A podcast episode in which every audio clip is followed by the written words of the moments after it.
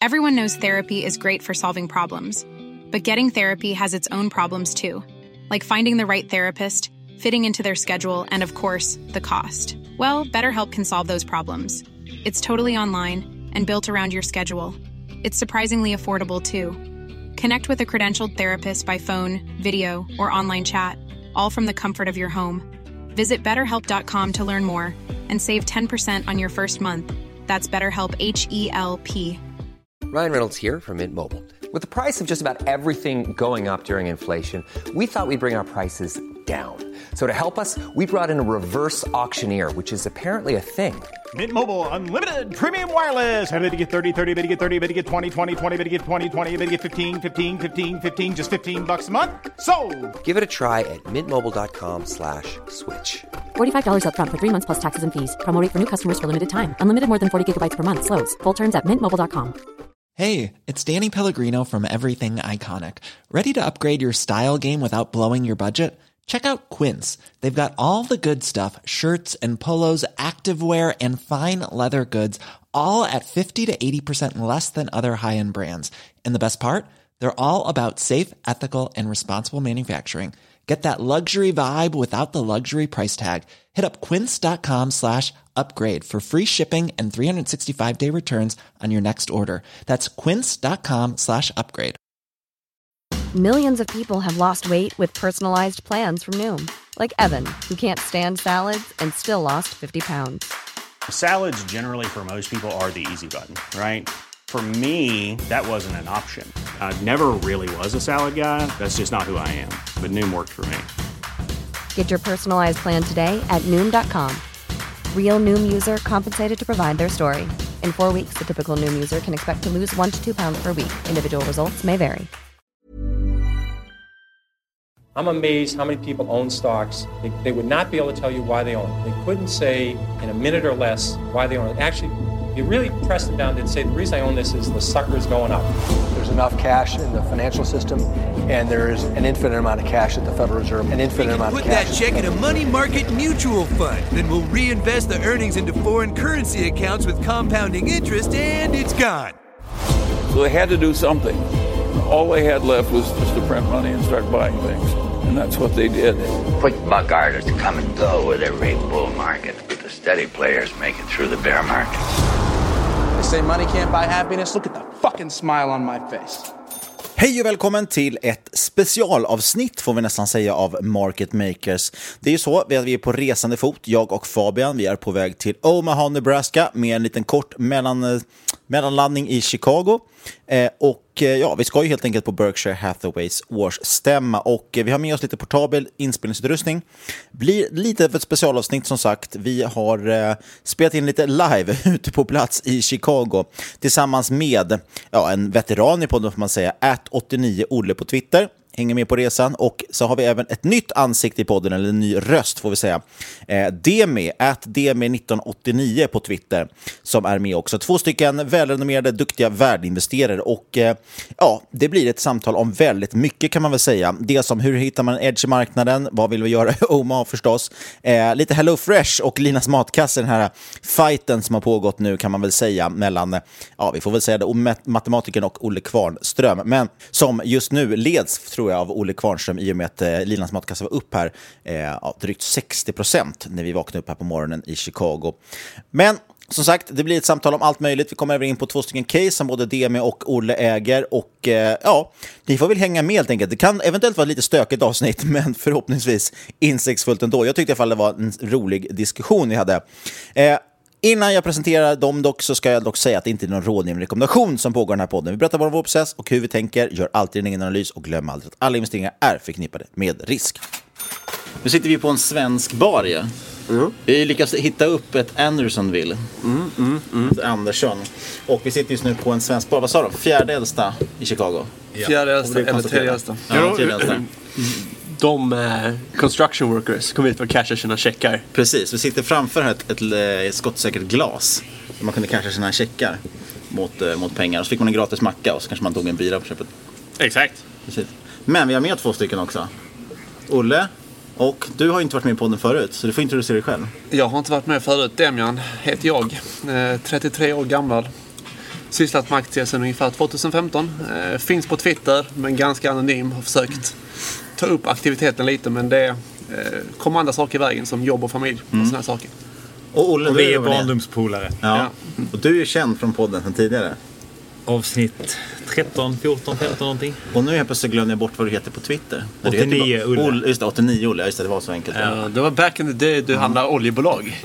Jag tror det var Ryska. 100% Ryska. fokus Ryssland. Ja. Inte populärt nu för tiden. Ja, det är Nej. ingen buy and hold-strategi som har hållit. Alltså ett av bolagen är ju handelsstoppat sedan typ Mm. sen kriget. Ja. Så det gick inte, inte så bra. Och du konstaterade här precis innan också att det här, du hade pitchat in där hemma att det inte skulle vara en ölresa. Och nu är vi fem öl in här och det är väl knappt lunch, eller? Ja, men vi kommer väl upp i en 8, 9, 10 idag. Ja. Vi får se. Men imorgon ska vi till Omaha ja.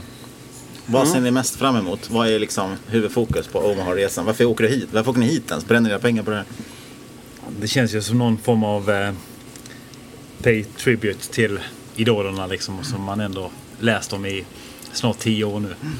Få se dem live en, eh, en gång. Det vore fantastiskt. Så det är snart dags. Det ska bli jättekul. Jag har drömt om det länge nu. Ja, lika bra att passa på nu. Fan, Ja. inte långt kvar. På något sätt så har ju de alltid funnits i bakgrunden när man har tittat lite på hur man vill investera och ha sin filosofi. Så det känns ju superkul att få möjlighet att se dem live. Vad säger du då Fabian? Varför är du här? Alltså jag vill bara dricka bira. Sen vet jag inte du liksom riktigt vilka de här uh, Warren Buffett och Larry Munger är. Nej, du är med inne där för Todd och, Todd och, Nej, ja, Todd Todd och och Ted. Ted. Ja. Men visst, Olle, du är ganska påverkad av Buffett? Ja, alltså, jag har ju läst som fan alltså. Mm. Eh, Jag har för mig att Alla du plöjde alla hans och- också årsredovisning, alltså eh, vd-orden om man säger liksom. Ja, jag plöjde. Typ, gick tillbaka till eh, de partnership letters för något år sedan och sen så plöjde jag alla breven. Och sen i år så plöjde den här uh, Financial History of Berkshire Hathaway. Och, eh, Är den värd att läsa? För det finns så många olika sådana här böcker där de sammanställer alla. Nej, det är ju mycket bättre att läsa de riktiga breven såklart. Okej, så alla de här böckerna är egentligen rätt ovärda. För det, det är Man sparar ofta- mycket tid. Men det, det är typ de sammanställer dem efter olika kategorier. Mm. För jag har också tänkt så här, jag, jag har inte läst alla breven, men jag har läst liksom vissa från vissa perioder. Så jag har tänkt, ja men ska man bara gå in på hemsidan och läsa dem eller ska man ta någon av de här oändligt många böckerna och plöja igenom dem? Alltså det beror på lite vad man vill ha ut. Liksom, vill du ha ut kunskap om försäkringsindustrin och eh, cykler i kapitalmarknader så kan du ju läsa alla breven. Mm. Vill du ha ut någonting om personligen så ger ju inte breven så jättemycket. Då finns ju The Snowball till exempel som är mycket bättre. Mm.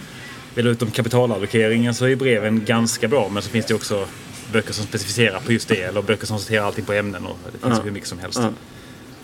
Finns det någon, eh, om man kokar ner det, vad är de bästa lärdomarna då? Var det värt att läsa alla breven? Alltså den mest kvarvarande känslan är i princip den här känslan av hur han år efter år, varje gång det går bra, konstaterar att jo men det kommer ju inte gå så här bra framåt. Och drivet av just det här med att eh, vinster är mean reverting och marginaler är mean reverting och i en industri som försäkringsbranschen där det inte finns några entry barriers så går det ju direkt att så fort det finns övervinster så kommer det nytt kapital in och söker att konkurrera om dessa vinsterna. Och det har inte jag sett på jättemånga andra böcker där det är så tydligt som just i de hans brev. Då. just Annars är ju partner letters bättre om man ska bli en, bättre, om man ska bli en bra investerare än just Berkshires brev. Alltså om man ska rekommendera någonting så är det väl de här tidiga partnership letters. Ja. De är dels inte lika långa. Det är mycket content i dem. Ja. Och där får man ju verkligen insikt i hur de tänkte innan liksom det blev det stora Berkshire Hathaway. Och där hammar han liksom in på allvar vikten av priset du betalar på investeringar. Och det, Men- det tilltalar ju vissa människor. Till exempel mig. Men det, det är pre-67 eller? Ja, ja, det är ju 50 50-talet till 67-68. Ja, ja, Om jag minns rätt. Så long time ago. Det kan man säga. Mm. Vad, är bästa, vad är bästa lärdomarna från dem då? Alltså där får man verkligen en känsla för hur det var om man säger förr i tiden när inte all information var tillgänglig för alla. Där kunde man ju verkligen få en edge om man la lite, lite extra tid på ett annat sätt än vad man kan få idag. Till exempel hade ju de det här eh, kartföretaget, vad, vad, vad heter det? Sanborn Maps eller vad det Ja, är. och, och, där liksom kom de på att, de, att det här företaget var det enda som hade en fullständig kartbild över en specifik stad. Och då fick de en jäkla edge i Ja. den. Och kunde få en avkastning som var väldigt mycket högre än index. Det kan man ju inte riktigt på samma sätt dra för att informationen är tillgänglig på ett helt annat sätt. Så att det var mycket sånt och man körde mycket special situations på den tiden. Eh, Men det, för det som känns som att det är det, klassiska gamla Buffett pratar man också mycket om cigar butts. Ja. Alltså det känns ju mycket som att det är som special situation och specific case. Idag är det ju mycket mer det här uh, buy and hold kvalitetsbolag. Men det är ju för storleken. Ja. Det är ju inte det egentligen, det är inte de själva rekommenderar heller. Känns det som. Alltså de, de måste ju prata hela tiden på ett sätt så att de som lyssnar på det potentiellt kan få något ut av det. Mm. Och problemet är ju att de flesta som lyssnar på vad de säger kommer ju ändå vara någon form av medelinvesterare. Ja. För det blir ju så naturligt. Och de vill ju ändå liksom att de ska kunna lyssna på det och ta till det och få något värde av det, att lyssna på dem. Men eh, sen så kollar man på de få grejerna han har sagt om sin egen portfölj, Warren. Han har ju varit all in i bolag i den portföljen. Av lägre kvalitet än de här bolagen som man köper in till Berkshire för att hålla för alltid. Det tycker jag är så, så kul för att liksom det vanligaste citatet, eller ett, ett väldigt vanligt citat, det är liksom det, här uh, Liquor Ladies Leverage, det är det Ja. du kommer gå broke från. Men kollar både liksom Warren och Munger tidigt i sin karriär. De gick i, liksom jättegärna all in. De, det var ju liksom målet. Du ska hitta en aktie att kunna gå all in på i stort sett. Och Munger, han drog i liksom 150% i ett case. Och där i Partnership Letters så kan man gå tillbaka till att i samband med American Express-investeringen så justerar han ju hela regelverket för vad han potentiellt kan göra för att han ville skjuta in mer pengar i American Express i samband. Liksom, läget är så bra. Jag kan liksom inte bara stanna, jag måste ändå uppdatera reglerna för att kunna skjuta in mer pengar här. Det som är intressant också om man läser de sista breven. eh, Så han stängde ju ner hela det partnerskapet för att han verkligen inte trodde på att han kunde leverera överanka- avkastning med den sizen de hade fått. Ja. Det säger en del om hur hans filosofi var, alltså kopplad till och verkligen leverera aktieägarvärde, eller sina, värde till sina partners. Men hur var det, för jag har dålig koll på historiken. Innan hade de ett partnership, så att han, hanterade han andras pengar då egentligen? Ja. Just det, okej. Började Och sen för Berkshire var väl ett sånt typ, typiskt cigarbuttbolag de köpte? Det var väl textilbolag, eller vad var det för någonting? Ja. Jo men han skulle ju köpa in sig och eh, uppvärderingen mot det här eh, rörelsekapitalet som fanns i bolaget skulle ske. Och sen så var ju bolaget köpte tillbaka massa aktier redan innan han började köpa aktier så det var delvis därför han hoppade in i det. Alltså det hjälper ju inte ifall du har en fantastisk balansräkning och jättemycket kortsiktiga tillgångar ifall de aldrig pengarna kommer tillbaka till dig som aktieägare. Men där fanns ju återköpen redan. Och han fick ju ett erbjudande om att sälja alla sina aktier dit in. Men så snuvade de ju han på liksom en 12 cent och 12,5 cent. Och han ville inte bli lurad så då blev han skitarg och så köpte han mer aktier istället och sen så blev det ju hela Berkshire-resan i noterad miljö som inte fanns där i ambitionerna innan, innan dess. Det var väl kul för han fick väl ett uppenbarelsemoment där precis innan och tänkte vad han hade gjort. Liksom köpte ett i princip nästan Ja. värdelöst företag. Bara för att han eh, störde sig på den dåvarande chefen. Ja. Och där kan man ju gå tillbaka till vissa av de här böckerna liksom som finns om det här. Typ, eh, det finns en bok som bara handlar om kapitalallokeringen i eh, Berkshire Hathaway under de tidigare åren. Liksom där de i princip då rullar av rörelsetillgångar. Rullar rakt, in, rakt in i köp av nya bolag och nya aktier. Och hur man liksom så kan jobba med en balansräkning om man då styr ett bolag som är lågt värderat. När man plötsligt själv kan styra alltihopa. Men ja, det finns mycket intressant att läsa. En intressant grej då, för jag tänkte på det just som säger att han, då var det ju mer special situation eh, delar. Han har ju även pratat också nu att typ, såhär, skulle jag ha en miljon dollar idag, då hade jag kunnat skapa betydligt mer avkastning än vad vi gör i Berkshire. Eh, det leder ju in på frågan hur man ska skapa en edge idag egentligen. Jag tänkte på, vi pratade om det tidigare när vi, käk, äh, när vi var på ett tidigare ställe ju. Så pratade om till exempel som Kvalitetsaktiepodden. Där man jobbar med att man, okay, man har en, egentligen en stor, stor Excel, liksom, kanske 70 bolag man kan utan och innan. Och då kan du ju bara nyttja den egentligen volatiliteten som blir. Alltså slår man in på vilket bolag som helst så är det ju enorm volatilitet över ett år. Och hitta de lägena. Vad är liksom annars? Du är ju ändå inne i ganska speciella case, eh, Olle. Ja, och där känner man ju av liksom så här, ungefär hur mycket kapital kan potentiellt gå in i det här caset och skapa någon form av överavkastning. För det finns ju bolag på börsen liksom, där du kan skjuta in ett, fat, ett fåtal 10 000 lappar liksom, totalt som potentiellt kan ge sinnessjukt bra avkastning. Alltså jag hade något sånt här case för jätte, jättemånga år sedan, eh, Lucent Oil. Typ så här fe- finsk rening av eh, spillvätska från fartyg som var vatten blandat med typ oljerester och sånt där. Och som hade ett market cap på typ 10 miljoner i princip. SEK. Eh, och där fanns ju ett jättebra case men du kunde bara skjuta in upp mot 100 000 svenska kronor i Mm. bolaget totalt. Och det är ju, Buffett pratar ju om den här en miljon dollar. Mm. Och det är egentligen en, en, en kontinuerlig trappa. Att efterhand som var, varje liten dubbling av portföljen som sker Mm. under ett antal år kommer ju göra att du, den här lilla delen av potentiella case försvinner från dig. Det här är inte lönt, det här är inte värt att lägga tiden på. Och då, till slut, Likviditeten blir ju mer och mer påtaglig, eller viktig i ett, case egentligen. Ja, och det är även stor skillnad i en portfölj ifall du har 100 000 eller 300 000 i portföljen. Mm. Redan där så är det skillnad på vilka lägen du kommer kunna plocka. Du kan ligga där och skalpa i något svenskt bolag med ett market cap på eh, 100 miljoner och tjäna ganska bra pengar på det Mm. med en liten summa pengar. Men sen så blir det ju den här, du måste hela tiden hitta någonting med mer. Och det går jättesnabbt till det. Mm. Och där, till slut så sitter de, de här sitter ju med de här hur mycket pengar som helst och då är det bara de största bolagen i världen som gäller till slut. Nej, men så är det, du har ett exempel där ju. Alltså, du kan inte, om du har jätte, jättemycket kapital så kommer du aldrig kunna gå in i de här bolagen där du vid en rapport, för att den på något sätt överraskade positivt, går upp 50% Alltså det Ja. händer ju inte på large cap. Nej. Och tvärtom, de bolagen, där kan du inte få in hur mycket pengar som helst. Så det är ändå en gräns för hur mycket du kan avkasta Mm. på den typen av bolag. I alltså absoluta pengar. Vad har du för typ av case? Har du typ liknande som Olle? Alltså, Sitter ni mycket tillsammans och kollar eller? Jag och Olle kommer väl från en ganska lika bakgrund. Jag ska säga, vi är ändå olika också. Eh, För att Mm. Olle är väldigt mycket value. Eh, Jag tillåter lite högre P tal Mm. Men där ska vara tillväxt. Just det. Alltså det, jag, jag tycker inte om de här förhoppningsbolagen. De, Nej. de liksom kör jag inte på. Men till exempel ett Evo för mig är inga konstigheter. Eh, Medan Olle äger ju inte sånt. Eh, Och där, där stora delar av skillnaden där liksom är att om jag sitter och kollar på Evo så blir det... Jag har en helt skev bild av vilken exit-multipel jag kommer att få. Och därmed kan jag inte äga det. Nej. Men om man antar en rimlig exit-multipel så blir det jättemycket rimligare att äga Evo. Ja. Men jag vågar typ inte det för att jag bara kollar på sådana här låg P-bolag normalt sett. Så därför kan jag inte våga anta en rimlig exit-multipel.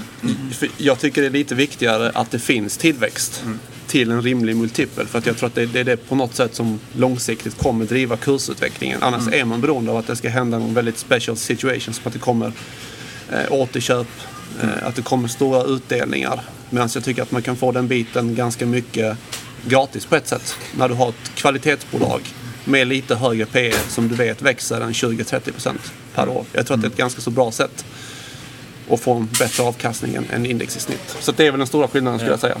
Jag är ju inne på samma spår också. Speciellt om du ska hålla på med någon form av lite med buy and hold. Jag tror att alla vi fyra är ganska emot buy and hold egentligen. Eftersom inga bolag går att hålla för evigt. Men, eh, men just den tanken att säga, okej, men, men då får man ju anta då till exempel, okej det handlas till P20, vi utgår från att P20 egentligen är kanske lite dyrt. Men eh, det blir ju att man måste göra ett antagande att det kommer att vara P20 även nästa år. Och då om bolaget växer 20%, vinsten med 20%, ja då kommer det ju ha 20% avkastning till nästa år. Alltså att man, man utgår från att vi kommer behålla P talet mu- konstant hela tiden. Du vill ju ha en uppvärdering i dina bolag, eller?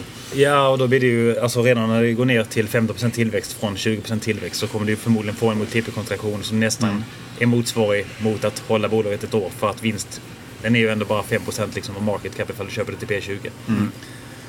Men om du däremot köper någonting som typ så här handlas till P9 och sen så får du en eh, vinsttillväxt som går från eh, 2% upp till eh, 17% och sen så ska det här bolaget handlas upp till P13. Det är liksom, där någonstans- det är mer min drömzon liksom.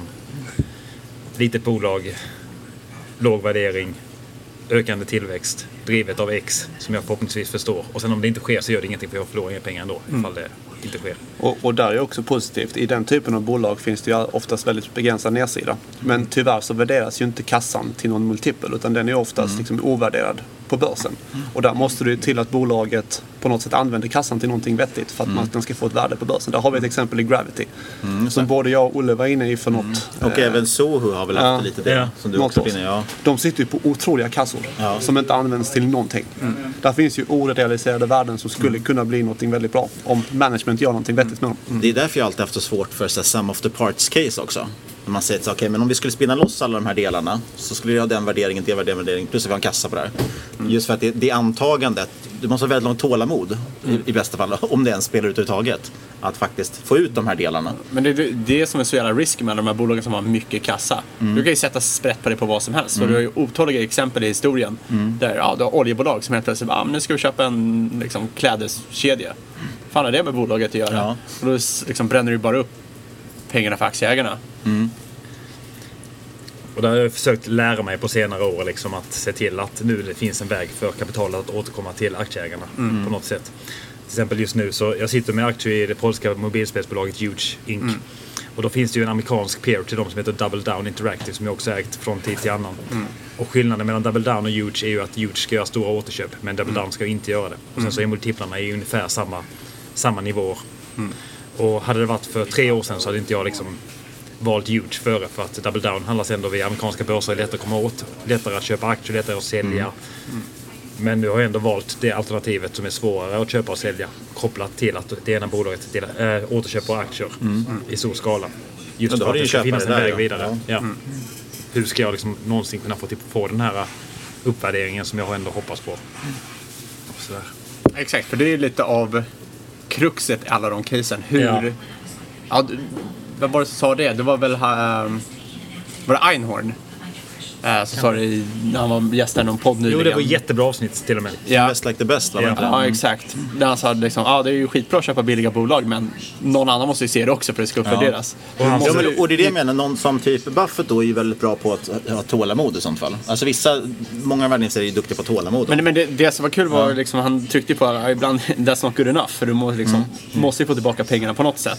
Och då just att bolaget tar det i egna händer. Mm. Och Einhorn löste det genom- genom återköp och utdelningar. Det är lösningen Mm. på varför Mm. det här P4-bolaget aldrig ska förbli P4. Ja. För de löser det själva. Genom det. Men jag, tror tidigare också, om du backar tillbaka till partnerships som, här, som, som till exempel Buffett hade där, kunde man ju kanske på ett annat sätt också om man hade lite kapital ta kontroll över bolaget. Och sen realisera de värdena själva. Det är Ja, ju precis. nästan Ja. i princip omöjligt idag. Ja. För att den informationen finns ju tillgänglig för alla. Så var, varför skulle säljaren gå med på eh, och, och, och sälja till mig för ett visst pris? När det kan finnas massa andra som kan ta det också. Medan om, om inte alla har informationen så vet man ju inte vilken potential som finns. Och då kan man köpa loss det och realisera själv. Nej, precis. Och sen, då är problemet ja, det är om det är ett slaktvärde du ska försöka dra fram. För då kanske det också finns ett jag menar, det finns ju något personligt också med att eh, den som har grundat bolaget och de är anställda i bolaget så ska det komma in och slakta kanske de inte ens vill sälja oavsett. Så det är lite knepigt. Och det var ju det som Warren tröttnade på liksom, efter ett par instanser av det. Han tyckte inte det var kul längre. Nej. Han ville liksom Komma inte in gå, gå in där i den här ja. lilla amerikanska hå- hålan där en stor del av befolkningen jobbade på en ort. Mm. Och sen bara lägga ner fabriken här för att skörda inventarier som var för mycket. Mm. Så det, han valde ju liksom ändå att gå vidare från det delvis drivet av vad som kändes rätt i hjärtat. Ja, det är en ganska hjärtlös investeringsstrategi får man ändå säga. Men där är också en stor sak. Om man ska tänka den typen av situationer så är det viktigt också vad management har för initiativ. Mm. Eller eh, incitament. För sitter de själva med mycket aktier som kan realisera ett värde så är det ju större sannolikhet att de kör de här trigger-eventen än om de inte sitter med någonting. För då kan Ja, de lika det, det är så jävla kul med många svenska storbolag där du har management. De är helt frånkopplade från bolaget. Sitter och ska styra bolaget, har liksom tusen aktier eller några hundratals aktier. Eh, vad, hur ska man ens kunna lita på dem? Det är, Nej, då får man ju de här problemen som man har typ, ja men i USA där det ofta känns som att bo- bonusprogrammen för ledningen är ofta kopplade till, till vissa nyckeltal, typ vinst per aktie. Och då kan du ju använda balansräkning, kan du låna upp pengar till att återköpa aktier för att höja eh, Ja. vinst per aktie. Vilket långsiktigt är ju jävligt uselt, men det är bra för deras bonus ju. Och det är väl problemet som du är inne på incitamenten liksom. Ja, och det är väl också Mangers citat, ja. Att visa mig incitamenten så kommer jag visa det utfallet. Ännu sjukare är ju de som är kopplade till aktiekursen. Ja. Alltså incitament. Ja. Mm, där kan man ju verkligen ifrågasätta vad eh, liksom det bakomliggande... pump, pumpa PM, Ja. pumpa pressmeddelanden. Framförallt om det är så liksom att kursen varierar mellan gå upp eller ner 50% varje år. Mm. Och sen ska de då liksom ha ett optionsprogram. Nu ska management bli align med shareholders liksom, Ja. genom det här optionsprogrammet. Okej, det här datumet får de optionerna. Det här, samma datum, eh, eh, två år senare konverterar de det till aktier. Mm. Två dagar senare släpper de det i öppna marknaden oavsett kurs. Mm. Då ska då incentives vara align. Ja, ja, ja. så är det ju inte. Nej. Det är ju typ som att de här som är management, de är med i något lotteri istället. ja. Det kan ju vara hur som helst upp värderingen den dagen de säljer allting. Mm. Över öppna marknaden dag två efter eh, att fått aktierna. Nej, det är väl därför man gillar grundare som är med i bolag också. Dels man har skin in the game men också att man kanske förhoppningsvis har lite mer långsiktigt, långsiktig syn på det. Att man vill ha ett legacy också. Ha kvar bolaget. ja, förutom några grundare som inte alls vet hur man driver bolaget. Nej, då är det ju svårt. Då kanske de inte har kommit så långt heller förhoppningsvis. Och det blir liksom li, det lite den problem man har med typ Silicon Valley när det var så jävla hett. Då är det liksom, ja, grundaren ska vara kvar och leda bolaget när det är moget. Mm. Det är en helt annan grej att starta ett bolag och vara liksom inne i det och sen faktiskt leda det när det är moget. Mm. Ja, Det var, liksom, det var ju Mm. därför Musk fick kicken från Paypal. Eh, För han var ju VD där, han blev liksom tillsatt som VD. Man fick ju kicken för han hade ju ingen koll hur han skulle leda, eh, hur han skulle leda det. Och han avgick ju för att ah, det är inte värt här att sänka det här bolaget bara för min pride. Mm. Nej men det är sant. Men, men det blir så speciellt när det blir megacaps liksom. Då är det jättesvårt. Det är något annat. Men där var, där, På svenska börsen har men där var, ju, många- där, där var innan Paypal eh, börsnoterades. Okej, ja. Så, så, men, men när det ändå inte var liksom en startup längre utan Ja, det var förstår. större, det var mer etablerat företag. Det, ja. det är ju ändå väldigt stor skillnad på att driva etablerat bolag och Verkligen. starta. Det är en ganska svår resa att göra känns det. Ja. Ska vi säga något om Linas matkasse? Apropå bolag. där man kan gå in och ta en, en corner och styra bolaget lite. Jag, jag vill bara att alla ska veta att jag långade såklart Linas matkasse 100% av portföljen igår innan rapporten kom ut Just med lönsamhet. Så att eh, hela min portfölj är upp eh, 80% idag. Jag sålde i morse innan när det var upp 85% och inte när det är upp 60%. När det bara är upp 65. Exakt. Nej, men först är det väl kul om någon podd kan säga grattis till Olle istället för att såga han. För det var att han har fått mycket skit. Han har fått mycket skit. Alltså, Ja, alla- inte till mig själv utan andra Olle. Nej. Nej, jag vill bara ändå säga att jag har sagt till honom att jag tror inte att det här kommer gå vägen. Men att jag, jag gillar, att han, gillar hans mindset. Jag gillar att han gör det, att han ändå känner sig att det här, det här ska jag röra ordning på. Och sätter ju återigen skin in the game apropå det. Att ändå köpa det är hans, en av hans största positioner liksom. Och gå in med ganska mycket kapital på honom på att okej, jag, jag tror att vi kan förändra det här på något sätt. Jag tycker det är jävligt cool eh, generellt att han spelar long game hela tiden. Ja, och vara så öppen med det också. Och, Mm. och transparent liksom berätta om, om vad man tror och tycker om bolaget. Mm. Alltså oavsett hur det går så är det ju det som man ska göra. Ja. Sen personligen kan jag säga att jag förstår inte de här affärsmodellerna alls. Du lägger så sjukt mycket pengar på att anskaffa kunder och jag tror ju många... Jag, jag vet inte hur du ska behålla lönsamheten långsiktigt. Nej, vi pratade om det tidigare. De köpte ju något i Danmark, alltså en kundstock. Och vad sa de? De betalar 1000 kronor per kund. Ja, och det... Och då får- kan man ju sätta relation med om man inte har matkasse så är ju en, en matkasse kostar ungefär 1000 kronor för en vecka. För jag, jag, jag, jag, ja, tror, så jag det, tror är- en det är inte stor... så sinnessjukt dyrt ändå. Alltså i relation till en sån här lifetime value på, på customern, liksom ifall den stannar kvar under... Nej, men det är det som är problemet. Att jag tror att snittkund, nu sitter inte jag på Linas statistik, men tittar man på Hello Fresh så är det klassiska är att kunderna är on-off. Ja. Att de kommer in, kör några veckor, tröttnar, gör något annat några det veckor. du måste liksom å, tillbaks. å, återacquira dem Ja. hela jäkla tiden med incitament att du ska sänka priserna. Mm. Men om du sänker priserna så kan du inte bibehålla någon marginal. Nej. Och sen ska det ändå betalas med någon form av vinst, tänker jag, så, eller någon, någon form av marginal. Eh, så att du, det är inte så att du får 1000 kronor, du får inte tillbaka det första veckan, utan ett antal veckor innan de faktiskt är kund. Liksom. Eller innan du får tillbaka den betalningen. Så det är en ekvation som går ihop ifall det är bra kunder, vilket det förmodligen förhoppningsvis i det här fallet var. Vilket, alltså annars hade de inte betalt det här gissningsvis. Nej. Jag tror nog ändå att jag var lite skeptisk till när jag läste PM. Jag tänkte man här sinnessjukt mycket att de betalar 1000 spänn per kund. Men sen så om de då kostar 1000 spänn i, i veckan för den här matkassen. Liksom, då är inte det så him- himla farligt. Liksom stannar genomsnittspersonen i tre månader så är det ändå en ganska vettig affär. Mm. Framförallt det som ger bort gratis matkassar. Det är ju samma sak. Det är också 1000 Absolut, spänn bort ja. när man ger bort en gratis matkasse. Men för det, Hello Fresh stora grejer, de drar ju extremt mycket på UA. Alltså lägger extremt mycket på kostnader. Dels får du ju rabatter med allting. Senast när jag köpte, jag köpte en grej från Shell, då låg det ju liksom en rabattkod i lådan från Shell också. Så antagligen pröjsar de ju säkert Shell också några kronor för att få lägga den där. Eller för att de på Shell ska lägga den. Och sen så skickar de ju gratis matkassa heter den också. Delar ut ju. Det måste kosta extremt mycket i. Och det är ju också som du säger, det är tusen spänn ju. Ja. När de ger bort en gratis veckas mat. Så ja, om du sätter det i relation till, till eh, alltså de egna målen som Linas matkasse satte upp så de har ju något mål om 4-6 procent i ebit-marginal. Mm. Så det är ändå ett antal kassar som ska in för att du ska få ska tillbaka. köra 20 veckor i snitt. Ja, exakt. Liksom, För, för, för att få tillbaka de här kunderna som de har köpt in. Så det är inte heller att det är någon jätte, jättesnabb eh, återbetalningstid. Nej. En annan sak också är lite, moten i den här typen av, av business. Det, det är det jag säger, för jag, jag, jag har ju tänkt starta Fabians matkasse här nu. Och det är så här, jag använder ChatGPT, genererar recepten. Sen använder jag ChatGPT för att bygga en widget så jag kan skicka vidare recepten till typ Amazon Fresh eller whatever. Som, form av dropship. Ja, så, så, exakt. Som blir dropship. Fyller den här matkassen, skickar ut det till er. Och så får ni recepten, matkassen och maten.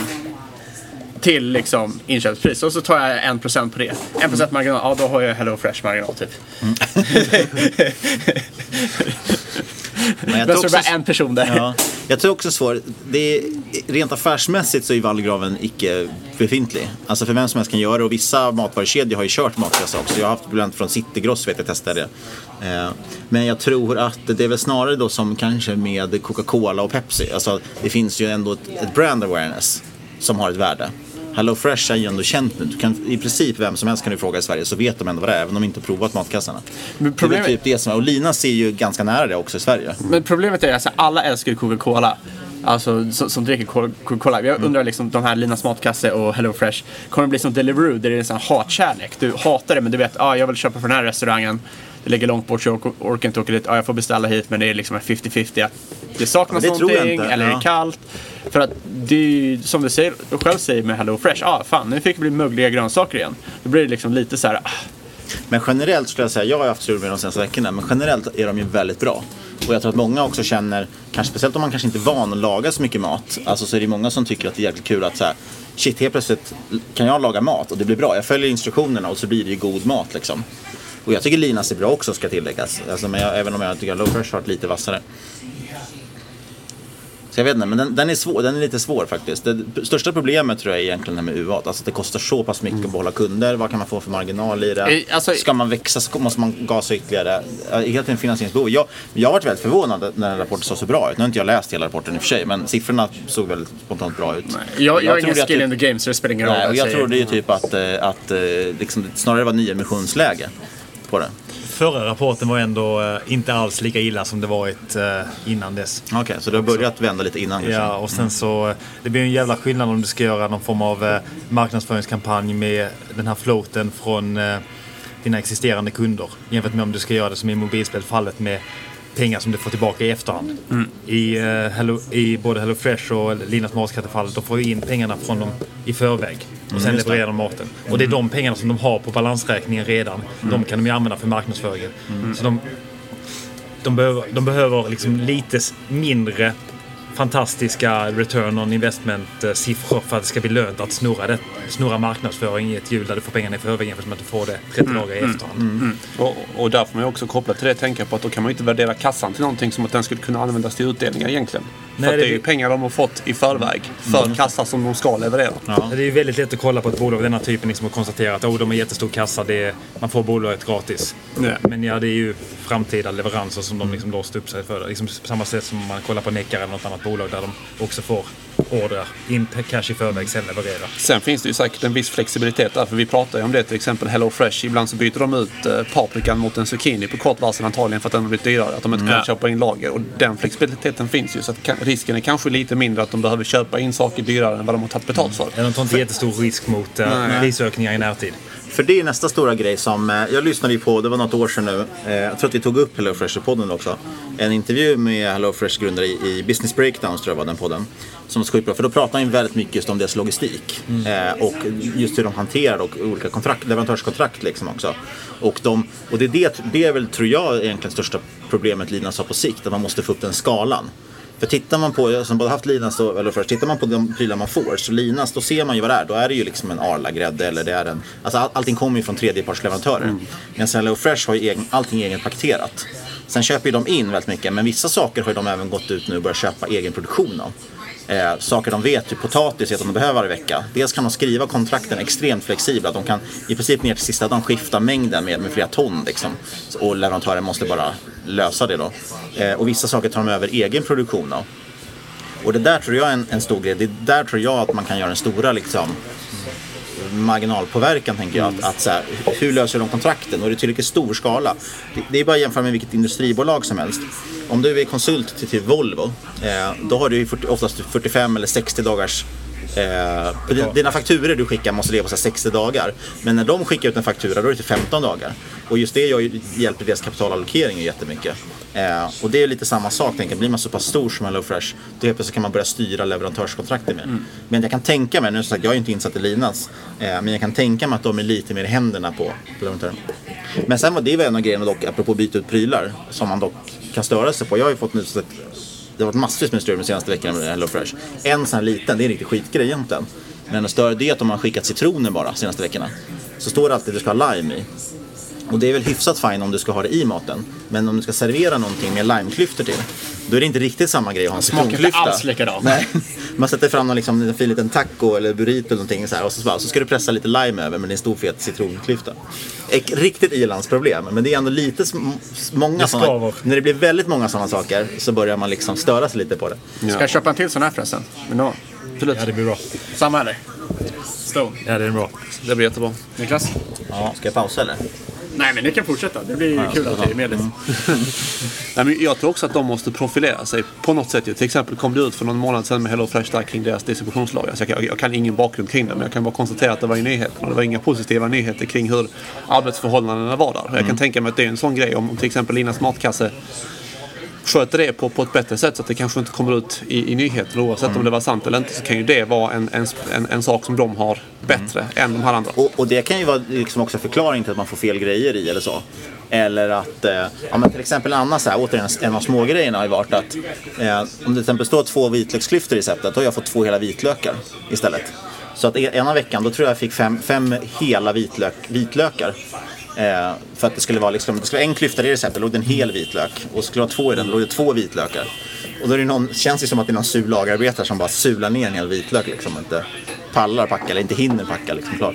Om man har en låg, lågmarginal-business med typ så här, man siktar på runt 5% rörelsemarginal så är det ganska stor skillnad. Liksom. Mm. Absolut. Mm. Vad man kan göra där. Vi, vi var inne på det här också, eh, lite att det skulle vara portionsförpackat kontra att en, inte vara det. Ja. Och, och där är det int- intressant för du nämnde ju att Ja precis, och det var Olle, alltså Kvarnström, som sa till mig att eh, för, för både du och jag, jag, typ alla man pratar med tycker att det är ganska smidigt med de här portionspåsarna. Och för de som inte vet, alltså Hello Fresh så får man ju hela, varje recept i en egen påse liksom. Så man kan kolla, okej jag vill göra det receptet, då har den en viss eh, bokstav och då plockar man ut en påse så kan det inte bli fel med innehållet då, förutom om de har packat fel då. Men, eh, och Linas packar ju alltid en stor låda liksom. Eh, Men där får man ju en stor skillnad tydligen i, i packlinan så att säga. Eh, hur man packar de här sakerna. Att det är ju mer komplext att packa separata påsar. För då måste du sätta i princip en, en lina på varje påse. Medan du i, packar en stor låda då är det bara att mata ner alla de prylar som ska vara. Liksom. Det är lättare att plocka ihop det. Eh, återigen en liten sån grej för att eh, förbättra marginal också. Ja, och uppenbarligen är det ju så att om man pratar med alla och de säger att de vill ha det på det sättet. Så, så antingen får man ju ändra kundernas beteende på Mm. något sätt. Eller så får man kanske anpassa sig till det. Ja. Så jag, jag tror ändå att det är en fördel att packa det på, i påsar. För kundens nytta i alla fall. Jag tror jag många uppskattar det. Eh, det är också mycket sådana små grejer. Det var ju samma som att HelloFresh har ju alltid skickat med kryddor också. De skickar ju inte salt och peppar men, men de skickar ju ändå oftast, ofta kryddblandningarna i en liten egen påse. Så att det blir exakt rätt med kryddan. Det tror jag Linas fick mycket klagomål på. Nu är det jag som gissar. Men för de körde, skickade ju aldrig med kryddor. Det stod, du var ju tvungen att ha då paprikapulver hemma eller spiskummin eller vad det kunde vara. Och jag vet att flera så här grannar som vi pratade med stördes jättemycket på det för de hade inga kryddor hemma. Eh, vi som har kryddor hemma tycker det är skitjobbigt och nu när de började skicka mer kryddor. För de kommer inte uppmåttade, de kommer i en egen liten plastpåse liksom, de med paprikapulver. Som man inte har en aning om hur mycket man ska ha. Och sen får man stå, då blir det över, då ska man stå och hälla tillbaks i kryddburken om man inte ska slänga det. Och...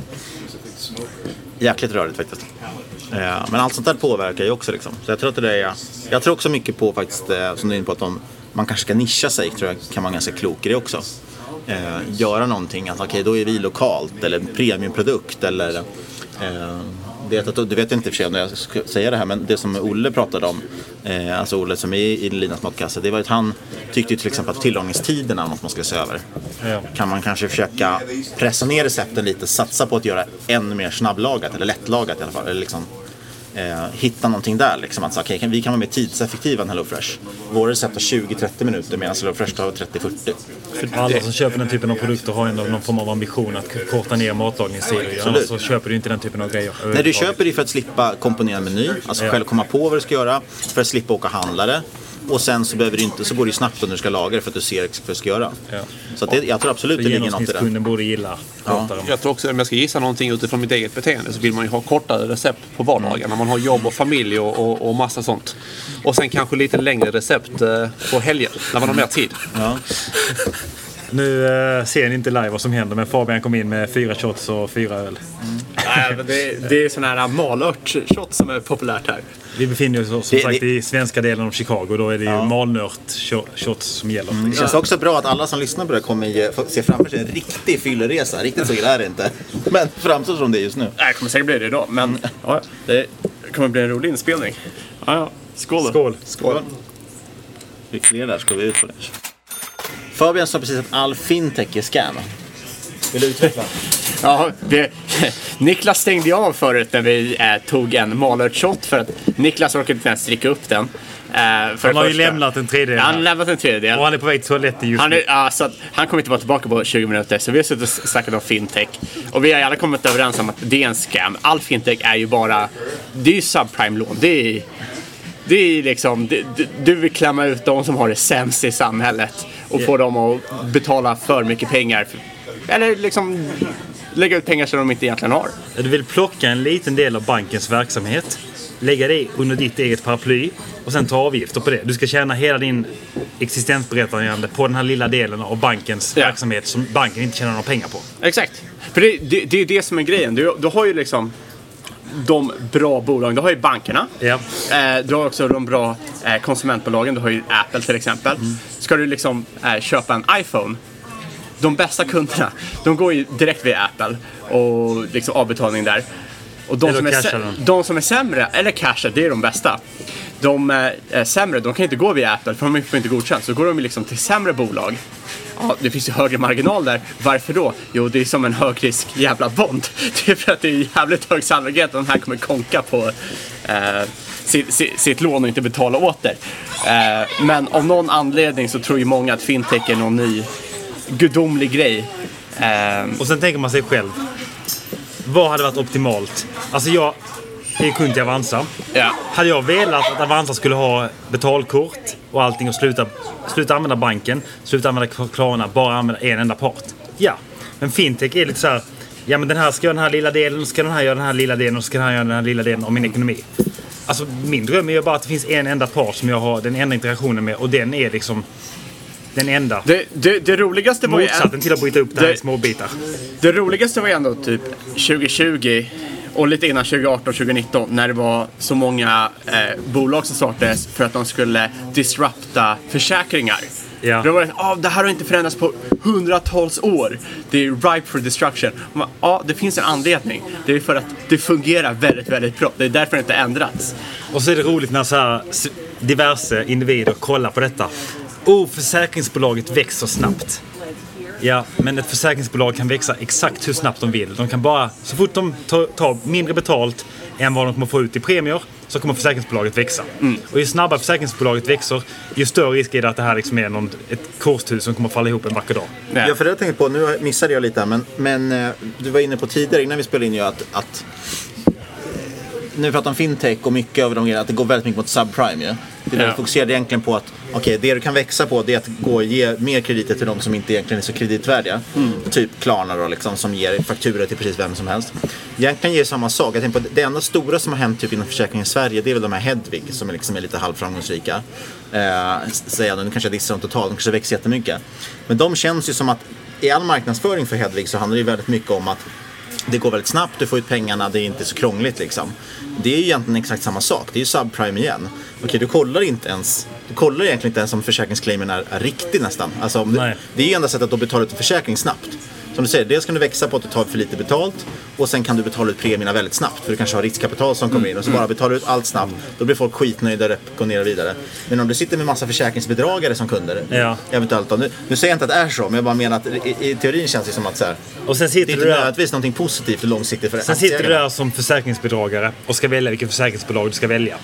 Och då kan du välja de här svenska standardbolagen. Och så, eller så kan du välja det här bolaget som skryter om att de betalar ut allting snabbt. Ja, och så- och så men är vem backade väljer du med liksom riskkapital. Ja. För jag menar, du vill ju att det ska vara lätt. Det är därför det finns en marknad för alla sådana här saker. Alltså även om man inte är ute efter eh, delbetalningen eller avbetalningen med Klarna. Du vill ju att Ja. det ska vara lätt att, att köpa någonting. Du pallar inte varje gång skriva in alla dina kortuppgifter, vart du Nej. bor, din adress. Utan Ja. det ska komma automatiskt. Sen ska Jag, du jag, få jag, jag, jag, jag, jag hör verkligen, du vill dra in bullcaset för One Payment med Klarna här. Från försäkringen One Payment med Klarna.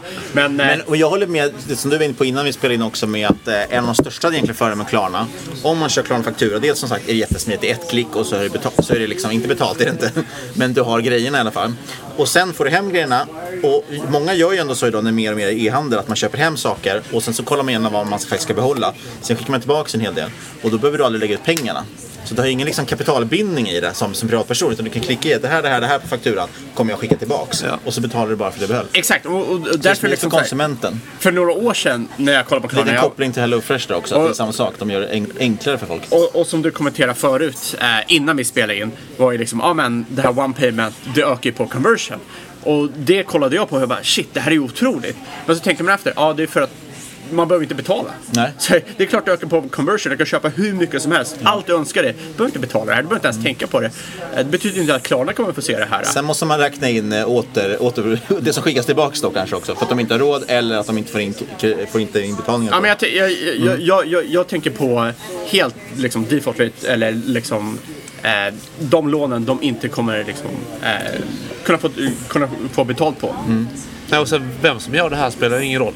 Och, och det var lite som Olle var inne på. Alltså, det här har ju blivit små nischer som alla möjliga olika aktörer tar en liten del av. Alltså om någon hade bestämt sig för att göra allting hade det varit smidigare. Men jag tror att det finns en marknad för den här typen av lösningar. Man vill att det ska vara så pass enkelt som Ja, möjligt. ja.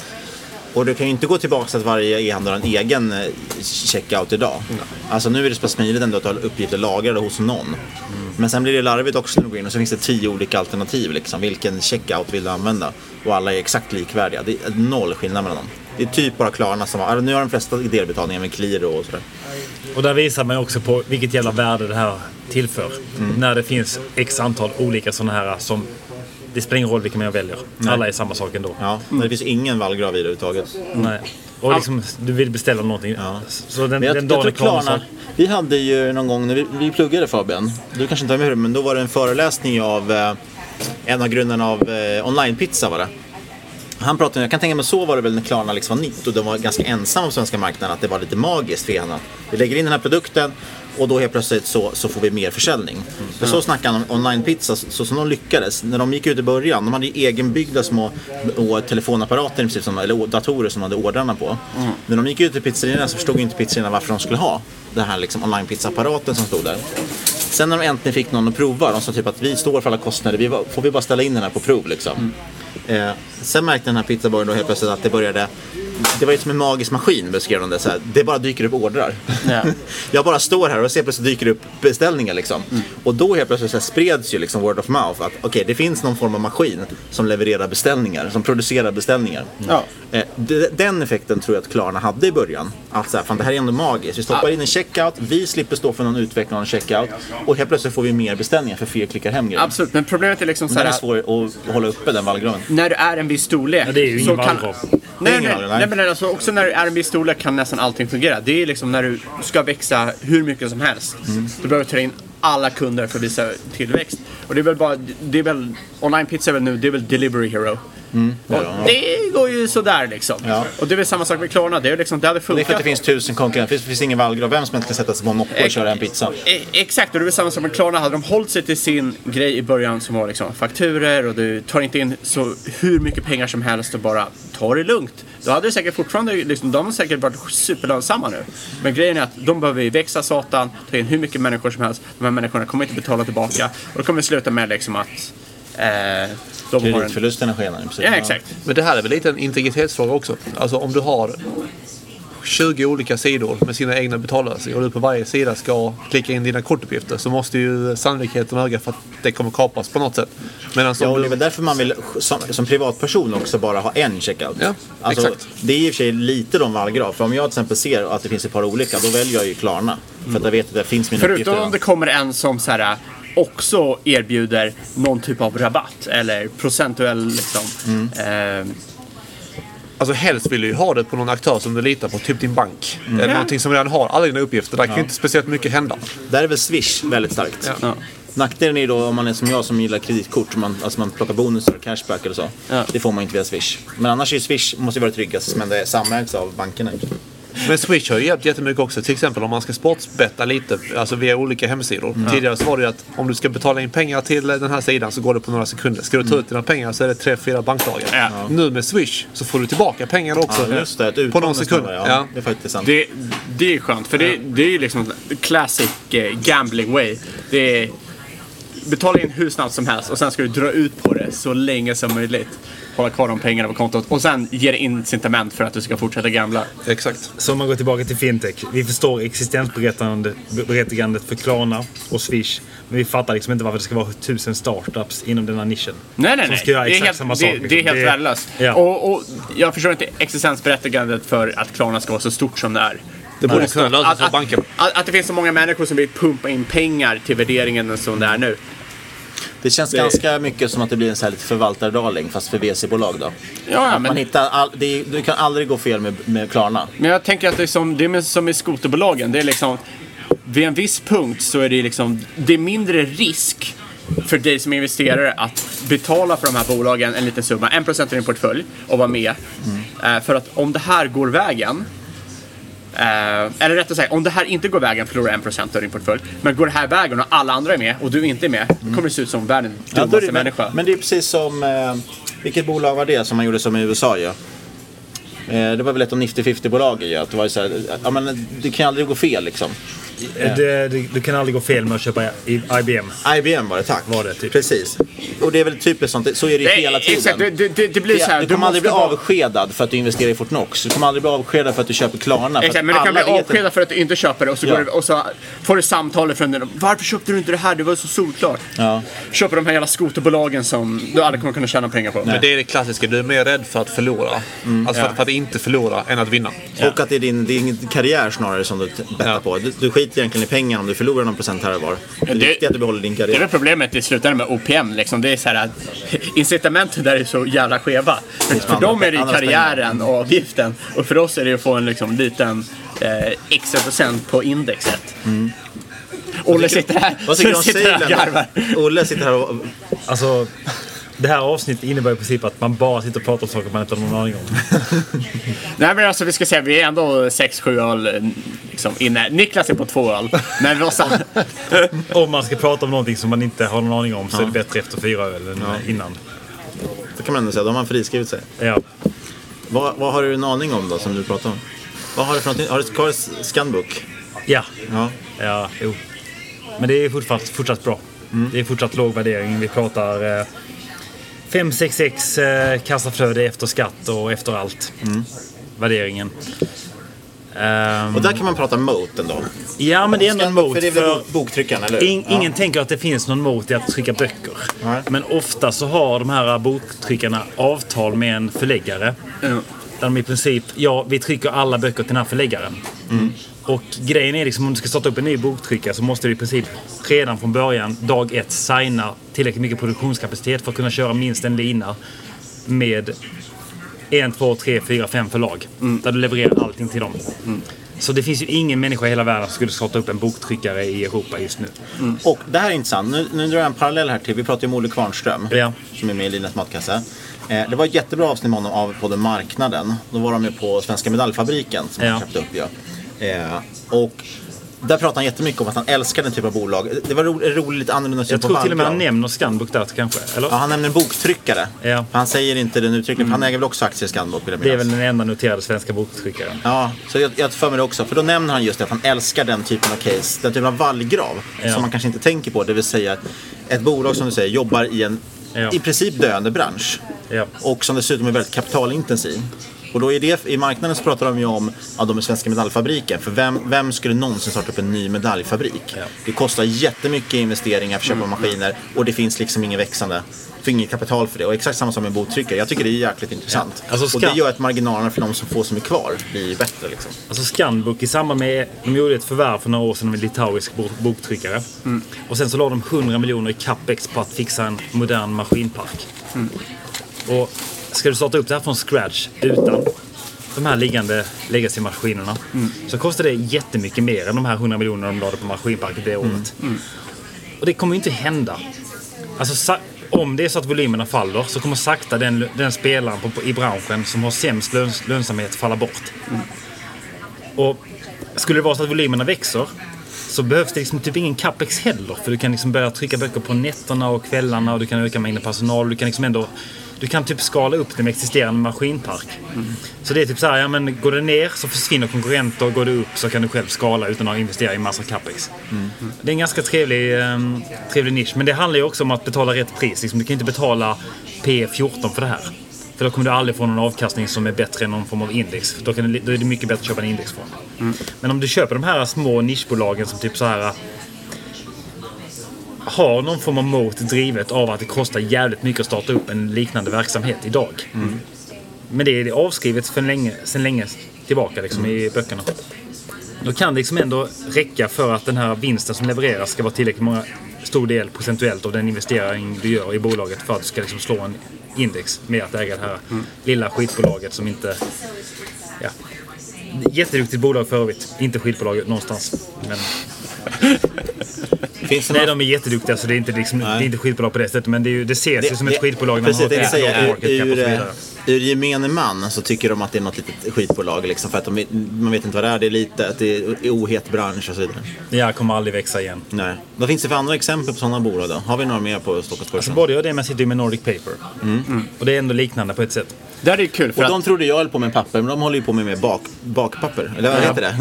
De gör eh, muffinsformar, bakplåtspapper. Bakplåtspapper, tack. Sen så gör de ju nisch specialprodukter inom kraftpapperssegmentet. Exempelvis så används deras papper typ som det här mellanlaget mellan träet i golvet och själva playwaren som ligger under själva träytan. Mm. Eller i kablar till elektronik. Ja, det är det som är det intressanta. De har ju sina applikationer inom massa olika industrier. Alltså de är ju mer exponerade mot de här som inte är så konjunkturkänsliga. Det är därför jag tycker att det är ett väldigt missförstått case på, på många sätt. Ja. Det finns ju en del av det som är konjunkturkänsligt, craft. Alltså den delen som Olle precis beskrev. Ja. Men du har ju greaseproof-delen som är 65-70% mot livsmedel. Och det kommer ju inte, alltså folk kommer ju inte köpa mindre bakplåtspapper. För att det är någon... Nej, det är inte det första man drar in på. Nej. Och sen går man tillbaka och jämför uppstartskostnaden för att starta ett massabruk i Sverige med tillhörande pappersbruk. Alla miljötillstånd, alla investeringar i maskiner, allt du ska göra. Och så jämför man det med nuvarande market cap. Och det finns ju ingen rationell spelare i världen som skulle starta upp ett pappersbruk i Sverige idag. Så vägen, om du vill äga ett pappersbruk i Sverige och köpa ett existerande ju. Så då finns ju moten drivet av att de här return on investment är, är jättedåliga. Och det är moten snarare. Och, alltså, det Man här... har jättedåliga nyckeltal och det är delar av moten. Och jag, jag tror så... Det är intressant faktiskt. Det har ju beskrivits som Det ett- är helt, helt, helt tvärtom vad folk, liksom, folk skulle tänka. Ja, folk vill ju ha ROIC på typ så här 30%. Ja. Och här så kanske du har en ROIC om du redan har en existerande verksamhet som snurrar på typ 10%. Om, du Exakt, för om du ska starta från scratch så pratar vi typ 4%. Exakt, för har du Ingen 30 kommer någonsin göra det. För har du 30% ser bra ut, locka till konkurrenterna, de vill komma in där och dra ner det. Ja. Eller hur? Och Ja. här, vem fan vill komma in för 4%?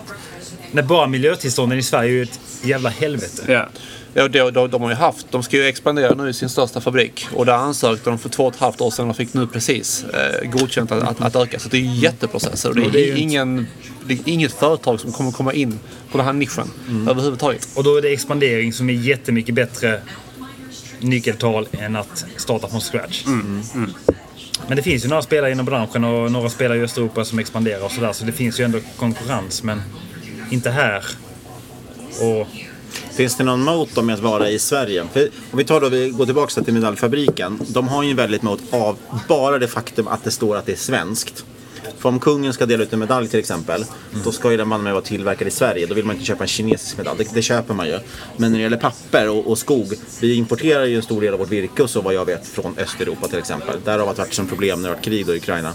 Eh, där, man, där är det mycket mer prisdrivet. Ja. Varför köper man från Nordic Paper i Sverige som man är dyrare än ett östeuropeiskt alternativ? Alltså i det här fallet så är det ju dels så är det ju inte själva, om du ska ta ner träd så kommer de tar ju inte själva stammarna liksom och gör produkter av det. Utan de tar ju restprodukten. Så de tar ju de här avskalade bitarna på kanten av trästocken och sen tar de grenarna. Det är det som är massaveden som blir till pappersmassan och blir till, till slutprodukten. Så det är ju inte... Man konkurrerar inte med ukrainska skogar som ska bli till eh, svenska parkettgolv. Utan det är liksom det, det som blir kvar som du inte kan använda till paketgolvet som man förvandlar till den här produkten. Men det är ändå dyrare med svensk personal tänker jag, än ukrainsk personal. Då kan man ju fråga sig liksom hur, hur mycket Det kanske inte- hur mycket kostar personalen i, i relation till den potentiella investeringskostnaden att starta upp det här från scratch? Alltså de här maskinlinjerna de har, det är, det är delar av produktionslinjerna har ju rester från 70-talet. Nej, men det jag menar är, om du säger att det finns konkurrent, konkurrenter nämligen i Östeuropa. Ja. Är inte de, lär inte de vara billigare? Alltså varför, vad där, ligger, finns det någon vallgrav i att det är svenskt? Eller handlar det bara om att de är ett bra bolag? Alltså konkurrenterna. Att de har en upparbetad, upparbetade kundrelationer eller? Alltså du får ju bättre avkastning som svensk att köpa aktier i bolaget än att en som östeuropé att spendera pengar i att öka produktionskapaciteten i Östeuropa inom samma nisch. Ja, men, Så, så, de, så de produkterna finns inte i Östeuropa? Alltså, det, det, den här blandningen av produkter Ja. finns inte. De, har ju konkurrenter på vissa specifika delar av sina produkter, Mm. men inte på helheten. Nej, just det. Så i sånt fall skulle det vara en mängd olika konkurrenter som Ja, ersätta så- så är det ju. För det, De för det jag har ju- fiskar efter som är otur, det är ju liksom att, säga ICA då, de köper in sitt bakplåtspapper. Ja. Eh, va- varför väljer de inte en östeuropeisk då bara leverantör som är billigare? de kör sådana här miljöfarliga PFAS-ämnen Just det. Ja, är det- i, i sina det bakplåtspackar. Och det gör inte någon Nordic Paper. Så Sen- det där har man ju en distinkt liksom, Det är det jag är ute efter. Ja. Liksom, var, varför väljer inte alla deras kunder ut ett annat bolag? Sen angående styrkan i pappret så är det drivet av hur långt norrut du är. För ju längre norrut du är, desto sakta, långsammare växer skogen. Och ju långsammare skogen växer, desto starkare fiber får du. Så när det liksom är varmländska skogar jämfört med, med sydeuropeiska skogar så får du starkare papper om du kör samma process i Norden än vad du får i Centraleuropa, Mellaneuropa, Östeuropa. Just det. Men däremot, Så det är, man kan också prata om att det är en högre kvalitet på det och då för specialapplikationer så kanske det blir extra viktigt. Ja. Kablar och puddegolv och sådär. Och vad jag vet så är de den enda tillverkaren som kör utan den här tillsatsen, alltså kemikalieinsatsen i Mm. sina papp papper. Och, där finns det några, eller alltså när, när det kommer till eh, Europa-aktörer. Sen finns Ja, det några det svenskar som kör samma sak. Ja. Men de här östeuropeiska kör allihop med den här tillsatsen. Mm. Som man, man vill hålla sig utan. Sen är ju caset lite missförstått kopplat till att många tror att det här är ett commodity case. Alltså att det här bara är beroende av priset på massa. Exakt. Men det är mycket, mycket mer komplicerat än så för att de har ju sina två olika segment. I till exempel craft paper-segmentet så producerar de mycket av den energin som de behöver själva och ångan. Eh, Medan greaseproof-segmentet är mer beroende av, av massapriserna. Så att du har två stycken hedgar där mot varandra. Att i en konjunkturcykel så är det ena svagt medan det andra är starkare. Så att till exempel då det, detta året, de hade ett väldigt, väldigt starkt år förra året på Craft. Medan Greaseproof var väldigt svagt. Och detta året så kommer nog det vända lite när Craft Paper-priserna, eller när, när de måste sänka sina priser mot kunder. Men då öka sin eh, marginal på Greaseproof för att de får lägre insatskostnader. Så att du får en naturlig hedge där mellan de två olika segmenten. En del som köper in massa, en del som producerar sin egen massa. Eh, En del som bränner restprodukter från massa för att skapa sin eget energibehov. En del som köper in sin energi. Det är liksom hedga mot sig själv. Intressant. De var väl också väldigt beroende av elpriser? Eller det var mycket diskussion kring elpriser? Alltså det var ju helt sinnessjukt i höstas. Ja, alltså, Det var ju börsen som inte fattade grejer. Och det såg man ju sen när Q4-rapporten kom ut. Det var liksom inget problem. Alltså, det är inte det som avgör lönsamheten i elpriserna. Om man borrade sig ner i årsrapporten då från, från 2021 så kunde man se att utav totalen av energibehovet så stod den ohedgade eh, delen som var exponerad mot spotmarknaden av 15 procent. Så 15% av energibehovet var ohedgat drivet av spotpriser. Och det fick börsen att skita ner sig liksom. Och, Och det där är lite roligt ändå, för det är ändå ett väldigt litet bolag. Ganska likvid aktie väl.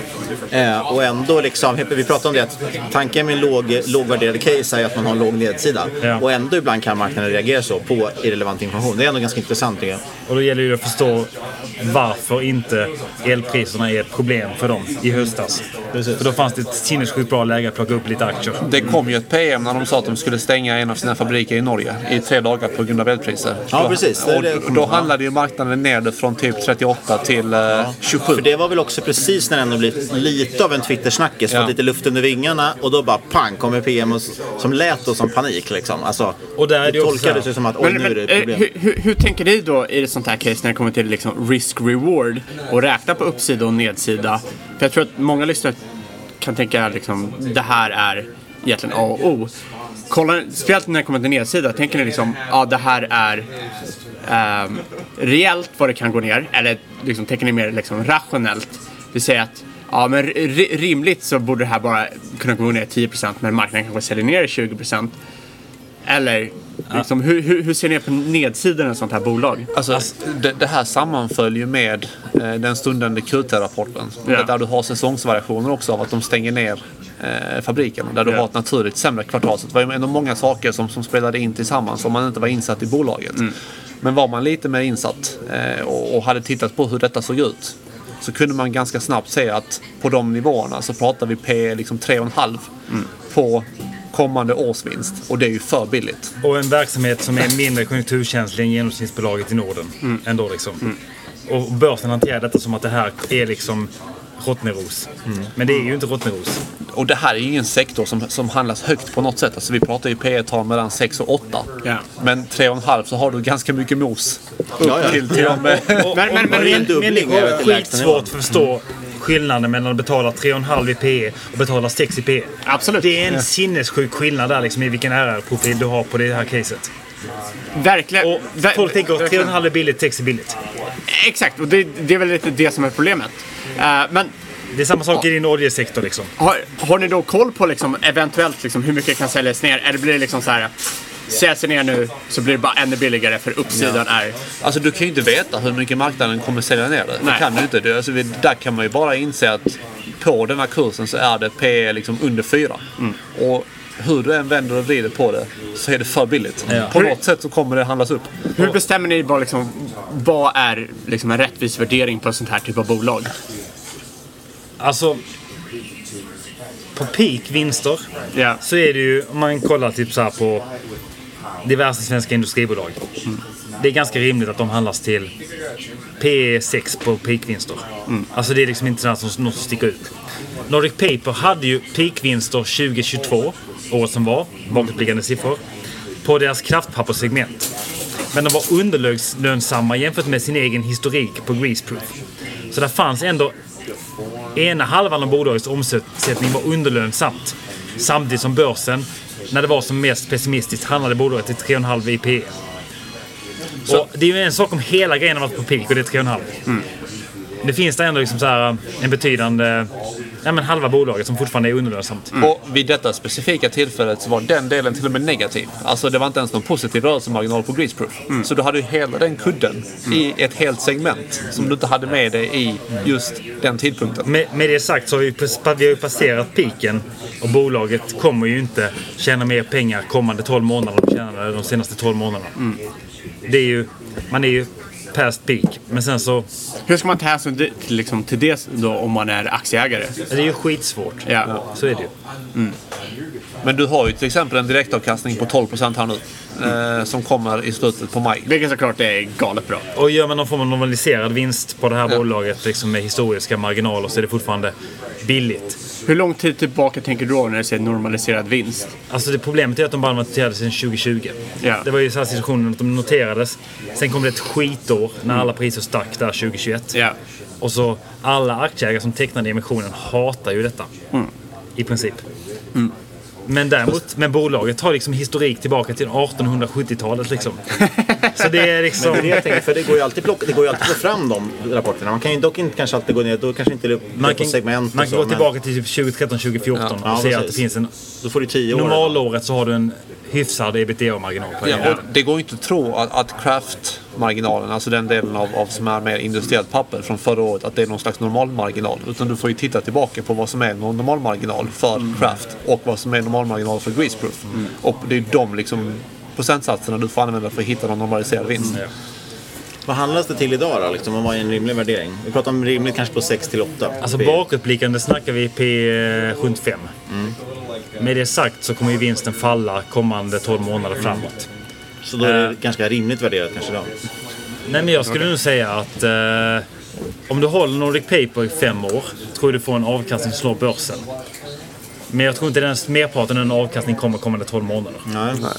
Det är jag tänker då svårt. för att vinsterna ska upp igen sen på Det är, sikt. det är ju svårt att avkastningen ska vara jättemycket bättre än börsen samtidigt som vinsterna går ner rent Mm. generellt.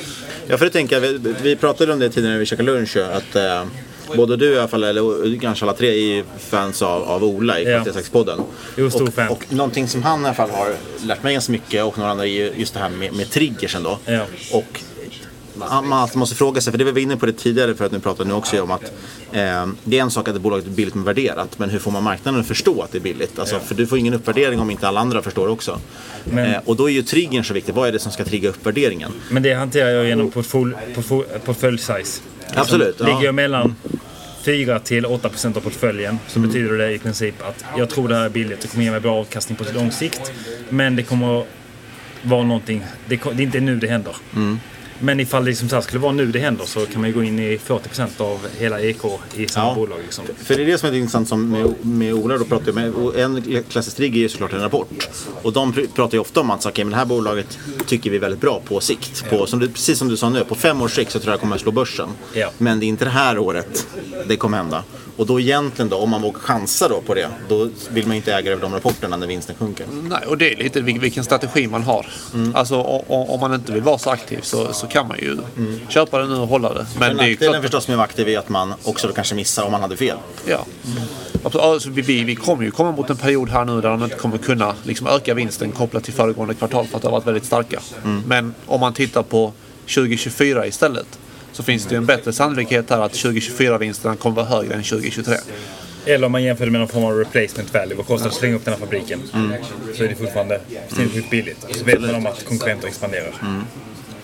Nej, och då blir det helt frågan var, var, varför man äger det och på vilken tidshorisont hela tiden. Absolut. När vi satt i taxin igår, då sa ju du David, att eh, du, inte, liksom, du vill inte fokusera så mycket på att hitta nya case nu för tiden. Utan du liksom vill hellre satsa på att gå djupare på gamla case. Eh, och jag tyckte det var sjukt intressant för att jag tror att jag är lite skadad av podden, att alltid hitta nya case. Och, eh, Så vi måste producera avsnitt ja.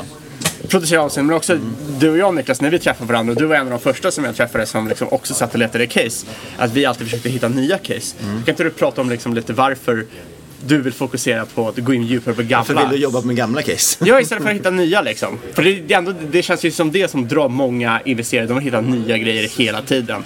Och jag förstår ju vad du menar, att det kan ju vara lite skadligt mot avkastningen. Absolut. Alltså, dels så har jag ju ett heltidsjobb vid sidan. Så att tiden är begränsad. Och Mm. Sätter jag mig in i ett nytt case så tar det ganska så lång tid. Då vill jag gärna gå tillbaka i många rapporter och titta och förstå hur ledningen är, vad de har för incitament, hur de har skött det historiskt, lite vad som har hänt i bolaget. Och Hur många tar- rapporter går du in på oftast? Alltså det är tre år tillbaka minst. Eh, och titta lite på vad som har hänt, hur utfallet har blivit. Har det de har sagt tre år sedan, liksom, hur har det stått ut mot vad som har hänt, faktiskt hänt de kommande tre åren? Och, och där är ju lite tillbaka till, har man ett, ett, ett, ett gäng bolag som man har följt länge så skiftar ju värderingen. Eh, Alltså jag jagar ju billiga kassaflöden och, och liksom billiga multiplar. Det, det är så jag jobbar. Och det kommer ju skifta i tid. Ja. Så att jag har ju varit inne och ute i jättemånga bolag. Till exempel så 2020, 2020 så var jag inne i, i Kindred. Och, och, och liksom ägde dem hela vägen där från botten till, eh, till att de hade värderat upp. Sen släppte jag dem. Men det är ingenting som säger att de inte kommer kunna ha en, en svacka igen. Till exempel det som hände när Holland försvann. Då, då kan ju ett nytt läge potentiellt uppstå. Det bolaget kan jag. Jag vet vad som har hänt historiskt. Och jag vet hur, hur liksom ledningen har varit vad som har, och hur de har reagerat på olika typer av event. Så att det är den ty typen av saker som jag tycker är jättegynnsam när man gräver där man har varit tidigare. För jag har faktiskt köpt in ett nytt bolag här nu senaste tiden. Eh, bara för att tvinga mig själv. Och, och det är New, New Wave. Och det är hittills liksom en bevakningspost. Så att den är i princip liksom, den betyder ingenting för min portfölj. Eh, men det tvingar mig att och, och liksom kolla upp det bolaget. Så att det är lite där jag kommer ifrån. Jag försöker verkligen hålla mig till sånt som jag har tittat på tidigare. Det tycker jag är sjukt, för jag är ju jättedålig på det att komma tillbaka till gamla case jag har kollat på. För jag är ofta såhär, har ett bra case, det går vägen, eller inte går vägen och så säljer man det. Eh, eller så går det vägen så säljer man det till slut och så börjar man kolla på nästa. Och så återkommer man inte till det. Och eh, då har man redan gjort, du har ju gjort 90% av the due diligence. Och så kan du bara lägga jättelite effort och eventuellt plocka rätt mycket avkastning på det. Ja, jag har sett många bolag också där jag har missat stora affärer på grund av det. Kan Exakt. ta om vi går tillbaka till Hello Fresh som är ett sånt bolag. Vi pratade om det i podden för några år sedan. Eh, Jag tycker liksom om det bolaget väldigt mycket. Men då, då konstaterade vi i podden att det var för dyrt, tycker jag i alla fall. absolut. Och sen så gick det några år, sen så tokdök de här nu efter Corona. Och då är det sånt så här, och sen inser man efteråt, man tittar på det, oj, men med den där nivån hade jag ju köpt det. Men mitt problem där är att jag, blir ju väldigt enkelspårig. Det är som att jag är liksom tech och sen bara offshore. Och då är hela portföljen tech, sen offshore. Och så kollar jag inte på något annat och då liksom missar man allting. Och det är liksom en, ett väldigt problem för mig just. Det är också bra för då kommer man in, när man sätter sig i en ny sektor, det kan ju vara bra, speciellt om det är något man inte kan så mycket. Att man ändå djupdyker i sektorn, kollar på många båda, då börjar man ju först få en känsla. Ja, Aspergers deluxe. Intresserad av en grej Ja. liksom, åt gången. Jag tror mitt stora problem som jag har det är att jag inte har ett tydligt system, alltså hur jag håller koll på det här. Som vi pratade om tidigare, att man kanske ska ha ett stort Excel-ark. Man vet att man följer sina 70 bolag och det här. eh, Och det gör inte jag. Jag tittar inte på det löpande och kollar att okej, jag har tittat på Hello Fresh för två år sedan. Eh, tittar på liksom en, någon gång i månaden för att stämma av, okej hur är den värderad idag? Och helt plötsligt då. Men hur många bolag följer Så det ni? är väldigt viktigt att ha ett Alltså, jag regelverk. försöker, alla bolag som jag hi- historiskt sett har följt, de fortsätter jag följa. Så att det, det är ganska så sällan. I och med att jag, Det är bra. Det Jag, gör håll- inte jag. jag håller inte på så mycket med förhoppningsbolag eh, på det sättet. Utan det, är- det är ganska så stabila för företag med, med lönsamhet och, och tillväxt. Och de försöker jag alltid uppdatera och hålla koll på för att ha en liten databas av potentiella case som man kan hoppa in i igen. Och det är klart att det dyker upp nya, men det är mer sällan än, än eh, och liksom, ja, Ja. kolla upp gamla. Jag har i princip en mapp på min dator. I den så ligger där 60 stycken Excel-filer. De är namngivna efter vilket kvartal jag senast uppdaterade dem. Är de uppbackade i the cloud? Ja, ja, de är uppbackade. Ja, bra. De, ligger, i- de synkade till Drive Ja, automatiskt hela tiden. Jävligt tråkigt om liksom, någonting händer. Nej. Men så, så, har jag, så har jag då liksom, just nu har jag ett bolag där jag fortfarande, där, där namnet på bolaget fortfarande är eh, 2022 Q3. Q3. Ja. Och då, det bolaget måste jag ju fylla i Q4-rapporten och Ja. Q1-rapporten. Så mitt problem är snarare att jag måste vara bättre på att kunna släppa bolag. Ja. Först just nu så har jag ju 60 bolag som är uppdaterade med Q4-rapporten. Mm. Eller senare. Q4 eller Q1. Och där måste jag kunna läm- lämna ifrån mig det här bolaget är inte värt att följa det längre. Mm. För det här kommer aldrig ge mig någonting. Så det är ju andra sidan av myntet. Alltså, sant. Antingen så sitter Man man, ju där liksom, allt, jag, jag följer ingenting jag har. Eller sitter man där och jag följer allt jag har. Och båda grejerna är ju farliga. Jag- Jag har en 25-30 stycken som är liksom sådana som jag har på något sätt varit intresserad av eller ägt eh, på något sätt. Och jag försöker vara selektiv med nya case som jag plockar in just för att det tar Det ganska bra, så mycket Ja, tid att, absolut. att, att följa på det sättet som Ja. jag vill. För jag vill ändå liksom ha koll och kunna se djupt vad som händer och, och följa det. Så att jag försöker hålla det kort. Ja, nej, men jag, jag diggar det där. För jag, jag som sagt alltid haft problem att liksom, hålla koll på bolag man pratar om. Och jag vet att många liksom, som lyssnar på podden vill göra uppföljningar. Men så gör man inte det för man har ju släppt det. Ja. Och så börjar man kolla på nästa. Eh, och Nej, det är några få bolag. Jag brukar vara lite mer så att jag uppdaterar vissa bolag. Ja, men du- du- som- du har bättre men då är det koll, ofta att man tar, vi tar ju mer upp, i podden kanske vi lite mer tar upp, okej det händer något intressant i det här bolaget nu. Liksom, att det var någonting speciellt som hände som vi vill lyfta. Eh, eller så är det några få bolag, eller som säger någonting om, om den stora bilden. Vi har- plockar ju ofta upp mega tech, alltså vi, techbolagen i USA. vi, vi, vilket är tråkigt för det är aldrig så screaming pies liksom. Nej. Det, du vill ha är ha, ha den här Excel-mallen liksom, mallen som ni eh, har. Och eh, i stort sett kunna identifiera. Och det här bolaget jag liksom, har suttit och kikat på i två år. Det är ju som screaming buy just nu. Sen är det ju sällan de här bolagen man har liggande i den här mappen plötsligt bara blir screaming buy. Ja. Men det händer ju. Alltså det är en till två gånger per år. Men det räcker ju för att få ett case till per år som potentiellt kvalar in i portföljen. För att en av de här 60 konverteras till screaming buy varje år. Ja, och det gäller ju på något sätt att ha, alltså om du allokerar dina pengar så kan du ju ha ganska så stabila bolag som du förväntar dig att ge liksom indexlik överkastning över, över tid. Men har du ett av de här casen som kanske du förväntar dig ge 30, 40, 50 procent, det räcker ju. Mm, absolut. Eh, Och har du en 25-30 bolag där att välja mellan så är väl ändå sannolikheten ganska hög att över en femårsperiod att du kommer få ett läge i något utav dem s- som du kan nyttja. Exempelvis före, före typ eh, kriget i Ukraina satt jag med Nexters på, i portföljen en kort stund. Men framförallt på bevakningslistan. Och sen plötsligt så blir det krig i Ukraina. Bolaget har eh, rysk eh, ledning, rysk eh, styrelse. Haft delar av verksamheten i Ryssland. Och sen plötsligt så händer det någonting som man absolut inte kunde förutse. Bolaget blir handelsstoppat i USA. Trots att bolaget inte egentligen är ryskregistrerat så klassificeras det som ryskt bolag och därmed är det stopp. Sen går det ett år och plötsligt så är det här bolaget eh, godkänt igen för att återigen börja handlas på, rys- på amerikanska börser. För att det är inte ryskt. Det har aldrig varit ryskt. Alltså det, det har alltid varit ett Cypernbolag Och så har de gjort vissa justeringar. De har minskat andelen personal i Ryssland, de har förändrat styrelsen så att den inte längre är ryskstyrd och så vidare. Och så, noter, och så kommer det tillbaka till börsen. Och plötsligt så har kursen gått från typ 6,70 ner till 3,50. Enbart drivet av att det varit ett handelsstopp i ett år. Men du har det i Excelen från innan handelsstoppet skedde. Och det blir en fantastisk affär. Men den affären, där hade du i princip en till två veckor på dig att göra affären och köpa in bolaget innan kursen drog igen. Och den enda vägen att hinna plocka upp det här bolaget, nu är det återigen listat i USA, det är ju att ha det här bolaget sedan tidigare i din Excel för att du ska vara redo den dagen det händer någonting. Och har du en tillräckligt stor lista med bolag så kommer det uppstå jättemycket lägen kontinuerligt. Att nu finns det pengar att tjäna här, nu finns det pengar att tjäna här och nu finns det pengar att tjäna här. Men hur, hur, hur liksom... För en, det svåraste för mig har alltid varit ID generation. Alltså hitta idéer att hålla koll på som är tillräckligt bra. Hur har ni liksom kommit fram till det? Jag förstår ju liksom när ni har hittat en idé, håller kvar vid den. Men hur kommer ni fram till idén från första början? Man gräver ju där man står. Ja. Stod hemma och skulle baka muffins. Tänkte du, vem är det som gör de här muffinsformarna? Och sen så snackar man ju med folk Ja, som alltså det kan ena mycket mer än det andra. Det ena föder ju det andra. Okej, för det tror jag också är ett problem. För när jag började med aktier, jag känner ingen. Och det var ett problem för mig. För då var jag såhär, ah, vad ska man investera? Ja, H&M, okej. Investor. Det kommer upp snabbt. Sen började man träffa folk som Niklas och andra. Eh, men liksom, hur tidigt kom ni in och liksom lärde känna andra som eh, investerade och började bolla med dem och liknande? Alltså, mina första case var ju Nokia som jag körde själv. Sen vidare till Starbreeze. I Starbreeze så började jag ju liksom att tracka Steam-listorna i Excel. Jätteprimitivt. Kom du på det själv eller liksom läste du det liksom fram till det? Ja, det var antingen jag själv eller Placera Forum. Det här var ju 2014 så minnet är minnet, eller 2013 till och med. Minnet sviker lite halvt. Ja. Men till slut så hittar man ju andra personer där man kunde synka sin data mot den datan de hade. Jag sprang på ett par stycken jätteduktiga investerare där enbart genom att då 2013 var det inte jättemånga som såg till att själv tracka grossingförsäljningarna dag för dag i det här bolaget. Och då hittar man andra duktiga som också var intresserade av samma bolag. Och sen kunde man och snacka vidare med dem.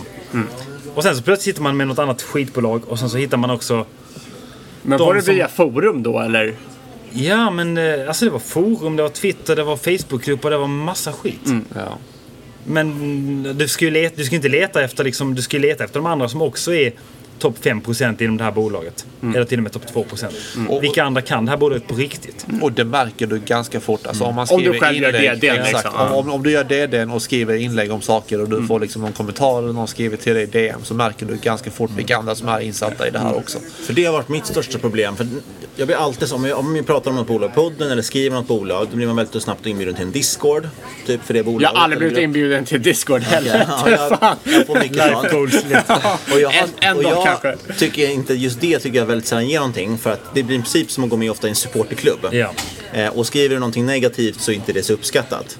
Eh, så att, men, men däremot är jag helt enig med nätverket för det är väldigt mycket sånt. Och, och det mest intressanta ofta sker kanske i DM. Man får mycket idéer, generering, idégenerering tycker jag via Twitter. Ja. Man ser vad man skriver. Och det är ju- men eh, via DM blir det ju ofta lite mer att man kanske också skriver väldigt tydligt vad man tycker Ja. om någonting. Istället för att på Twitter måste man lite skala ner för att man inte vill ha skit efter sig. Och det är ju tips till alla som vill bygga ett nätverk. Att säga att du har världens bästa analys av bolag X.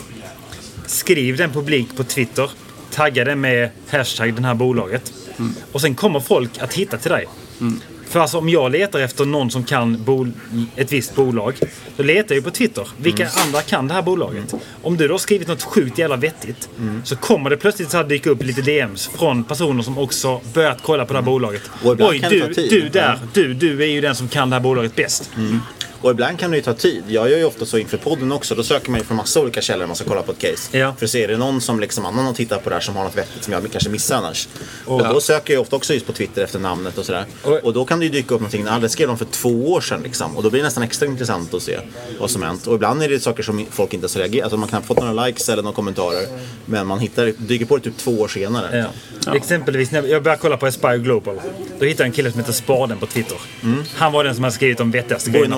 Norrköping tror jag. Ja, han, Trevlig kille. Linköping. Linköping till och med, ja. Ja. Han, eller är det Norrköping? Jag tror att han bor i Norrköping. Okej, han är jättevettig. Det är skitsamma egentligen. Men, ja. Men plötsligt bara hittar man en det person som skrivit B3-killen, om... eller? Ja, B3-killen också. Ja. Han var ju den som hade skrivit de vettigaste grejerna på- om Aspire Global på Twitter. Ja, ja. Så via den vägen så hittar man ju varandra. Ja. Och då blir det ju lätt, tycker jag i alla fall, man sitter i såna här lite olika DM-grupper och så eller pratar med folk. Sen helt plötsligt slänger någon ut sig något annat. Är det någon som har kollat på det här? Och så börjar man gräva lite liksom, eller så. Och helt plötsligt är det, hittar man nästa intressanta grej. Liksom. Ja, det var så. Jag, det där tror jag är jätteviktigt med, med nätverket. Liksom. Jag körde för, för ett och ett halvt år sedan ganska mycket Bröderna A Johansen. Och där hittade jag någon kille som skrev jättemycket om dem. Alltså, som jag inte kände överhuvudtaget. Alltså, och det var ingen liksom, presentation eller någonting. Jag bara skrev till han i DM. Vad tror du om detta om detta? Och fortsatte Ja. konversationen. Mm. Så det är en jättekälla till att kunna utbyta information. Och det tror jag, och det är säkerligen ännu viktigare när man sitter med på heltid. Att, för då behöver man ju också nästan av det sociala skälet också att kunna prata med någon annan. Ja, men det, det, det Jag är nog det viktiga. Man, man kan inte få det gratis av att bara läsa. Du måste verkligen aktivt göra lite det dig själv, sen aktivt gå och fråga ut om du hittar. Ja, du bygger ju För det nätverket genom att skriva de bästa grejerna om bolag X. Ja. Alltså det är ju så du... För det är också så, så, så, säger, så, sitter man- så, så skriver att det är man bara- bättre att du skriver på din Twitter och de kommer till dig? Eller är det bättre att liksom, du letar upp dem och sen skriver till dem i Men DM? skriv för fan på din Twitter Ja. vad du tycker om X. Och Ja. det måste, du skriver måste vara liksom topp. Du måste vara bland de bästa.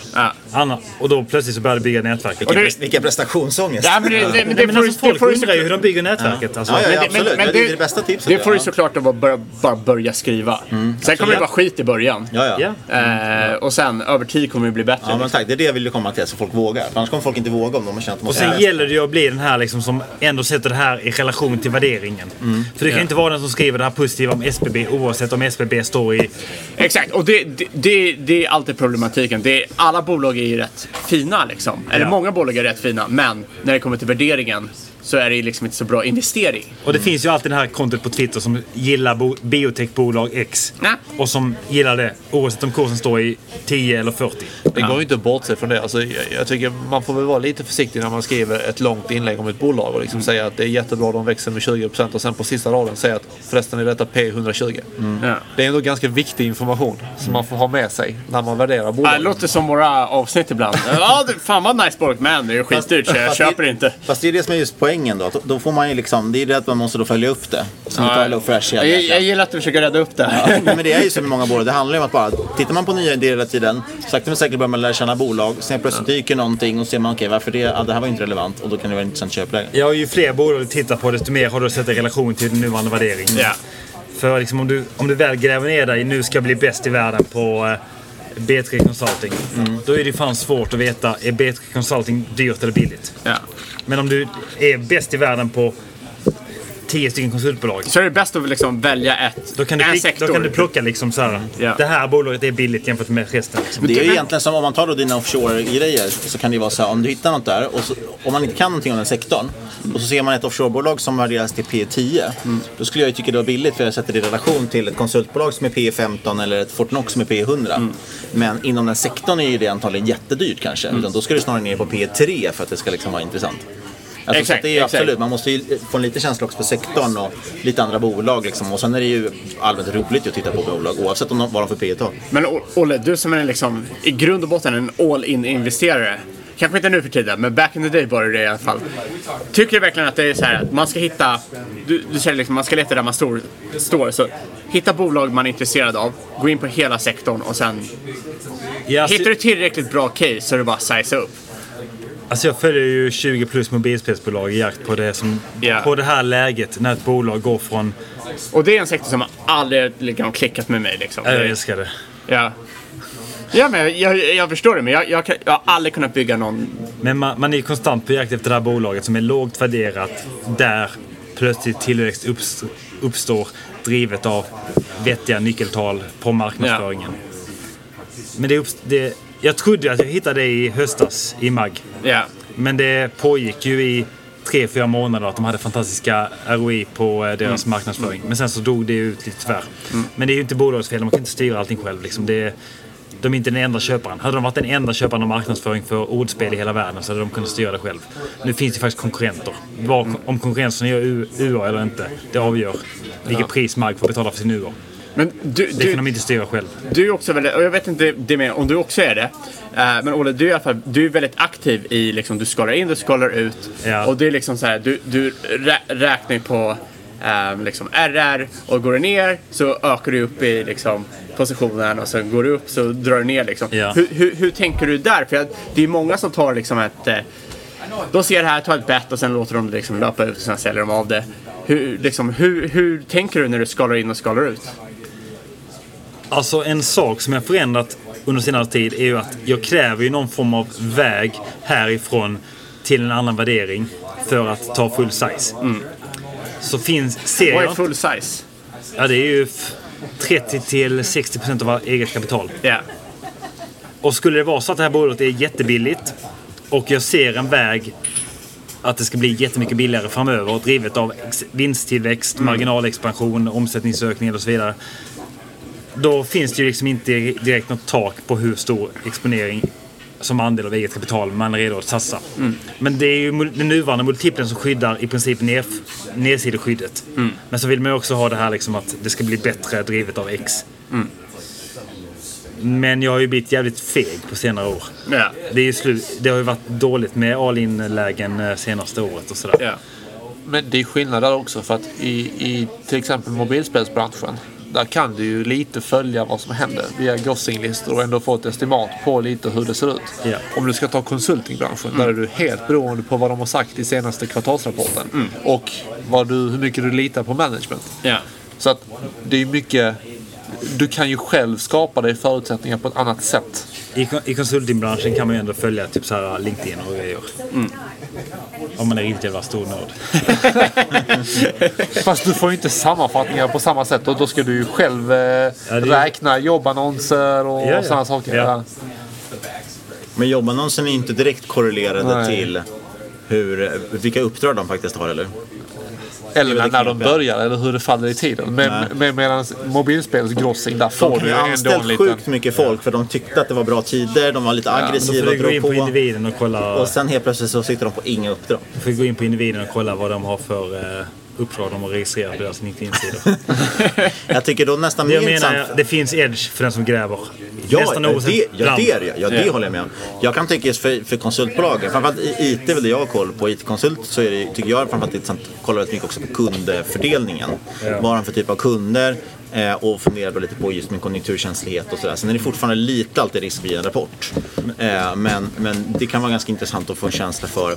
Och sen finns det ju de här bolagen som E-work som mer agerar mellanhand. Ja. Som i princip tjänar pengar när som helst. Och nu när det har varit sämre konjunktur, när det liksom är svårare för uppdrag, det ökar ju konsultmäklardelen helt plötsligt för fler är beroende av dem. Men oavsett vilken bransch du är så kan du ju liksom ifall du gäller att lägga det här stora mängden jobb verkligen komma in och få Mm. lite mer data än vad Det som har jag, finns till. det har jag, håller jag helt med om. Mm. Okej, vi rundar av lite då. Om, eh, på lördag så sitter vi där framför scenen med Warren Buffett, Charlie Munger. Nu har vi antagligen inte, vi, vi har inte registrerat oss för att ställa någon fråga och vi kommer väl inte ställa oss för någon slags open mic. Men i ett hypotetiskt scenario, du får en ensam middag med Charlie Munger och Warren Buffett. Vad, eh, vad skulle du ställa för fråga? Om du fick en enda fråga. Om jag skulle gräva i någonting så hade jag grävt i Warrens privata avkastning vid sidan om eh, Berkshire. Och vad han liksom lyckas leverera på den här portföljen där han själv, som han själv rattat vid sidan om. Som inte varit lika mycket constrained by eh, mängden av pengar han haft. Och sen har jag velat gärna ha så här bekräftelse från de stora idolerna om att eh, jo men det är okej, du kan leverera 50% per år. om du bara gör jobbet. Ja. Men det, det var en sån sak som verkligen förändrade min syn på investering. Ja. För ett...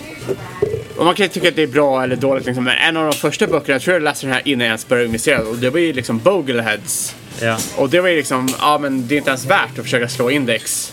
För du kommer aldrig klara det. Och då liksom de första åren på min resa, det var ju liksom att du kommer aldrig kunna slå så mycket, det är inte ens egentligen värt att försöka. Men just det här att dels läsa eh, det här citatet att Warren Buffett säger ja men 50% jag känner några som, liksom, jag skulle kunna avkasta det, några jag känner skulle kunna avkasta det per år om jag hade under den här summan. Eh, men också att man ser folk som faktiskt kan göra det i verkligheten. Det förändrar ju helt synen på hur man kan investera. Mm.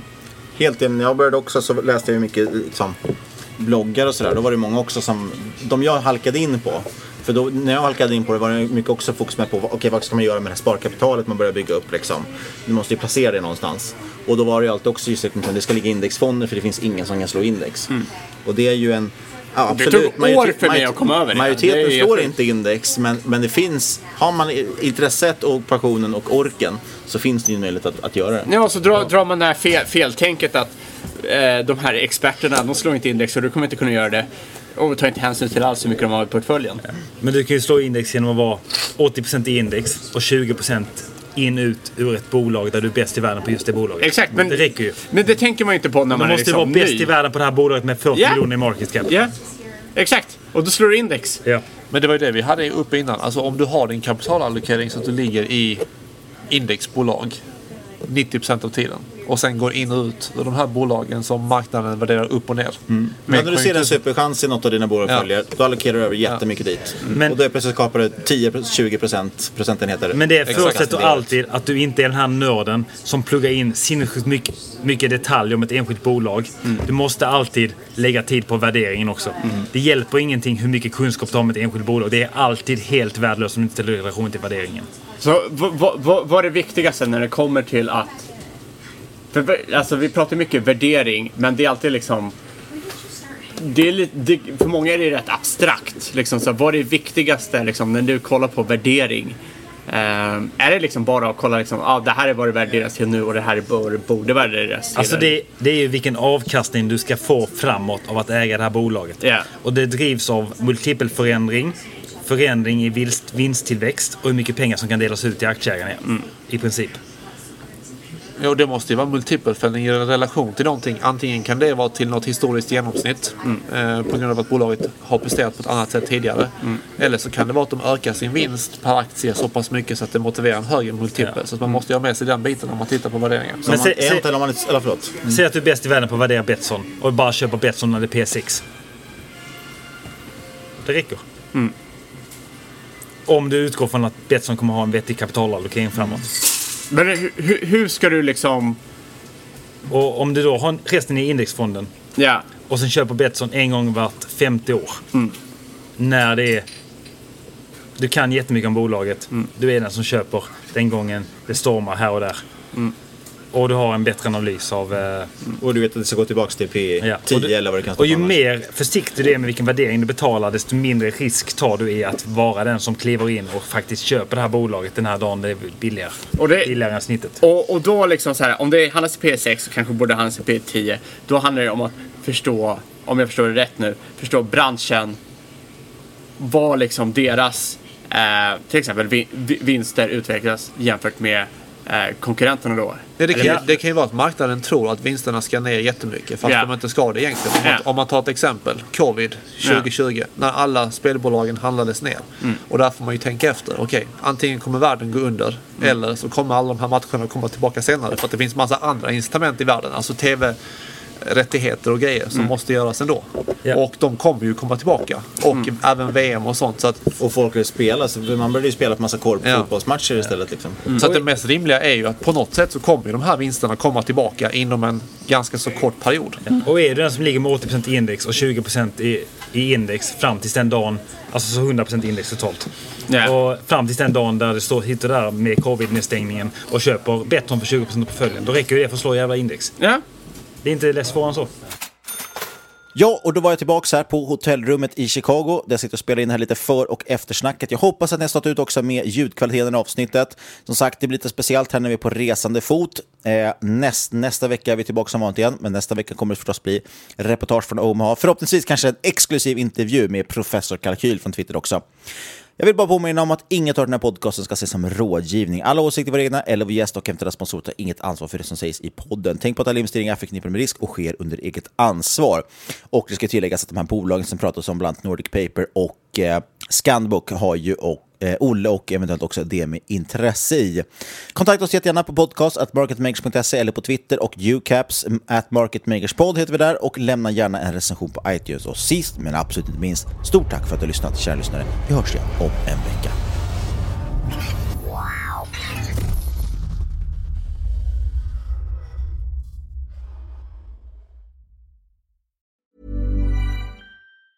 Planning for your next trip? Elevate your travel style with Quince. Quince has all the jet setting essentials you'll want for your next getaway, like European linen, premium luggage options, buttery soft Italian leather bags, and so much more. And it's all priced at 50 to 80% less than similar brands. Plus, Quince only works with factories that use safe and ethical manufacturing practices. Pack your bags with high-quality essentials you'll be wearing for vacations to come with Quince. Go to quince.com slash trip for free shipping and 365-day returns. Hi, I'm Daniel, founder of Pretty Litter. Did you know cats tend to hide symptoms of sickness and pain? I learned this the hard way after losing my cat, Gingy. So I created Pretty Litter, a health monitoring litter that helps detect early signs of illness by changing colors, saving you money and potentially your cat's life. Pretty Litter is veterinarian developed, and it's the easiest way to keep tabs on your fur baby's health right at home. Go to prettylitter.com and use code ACAST for 20% off your first order and a free cat toy. Terms and conditions apply. See site for details.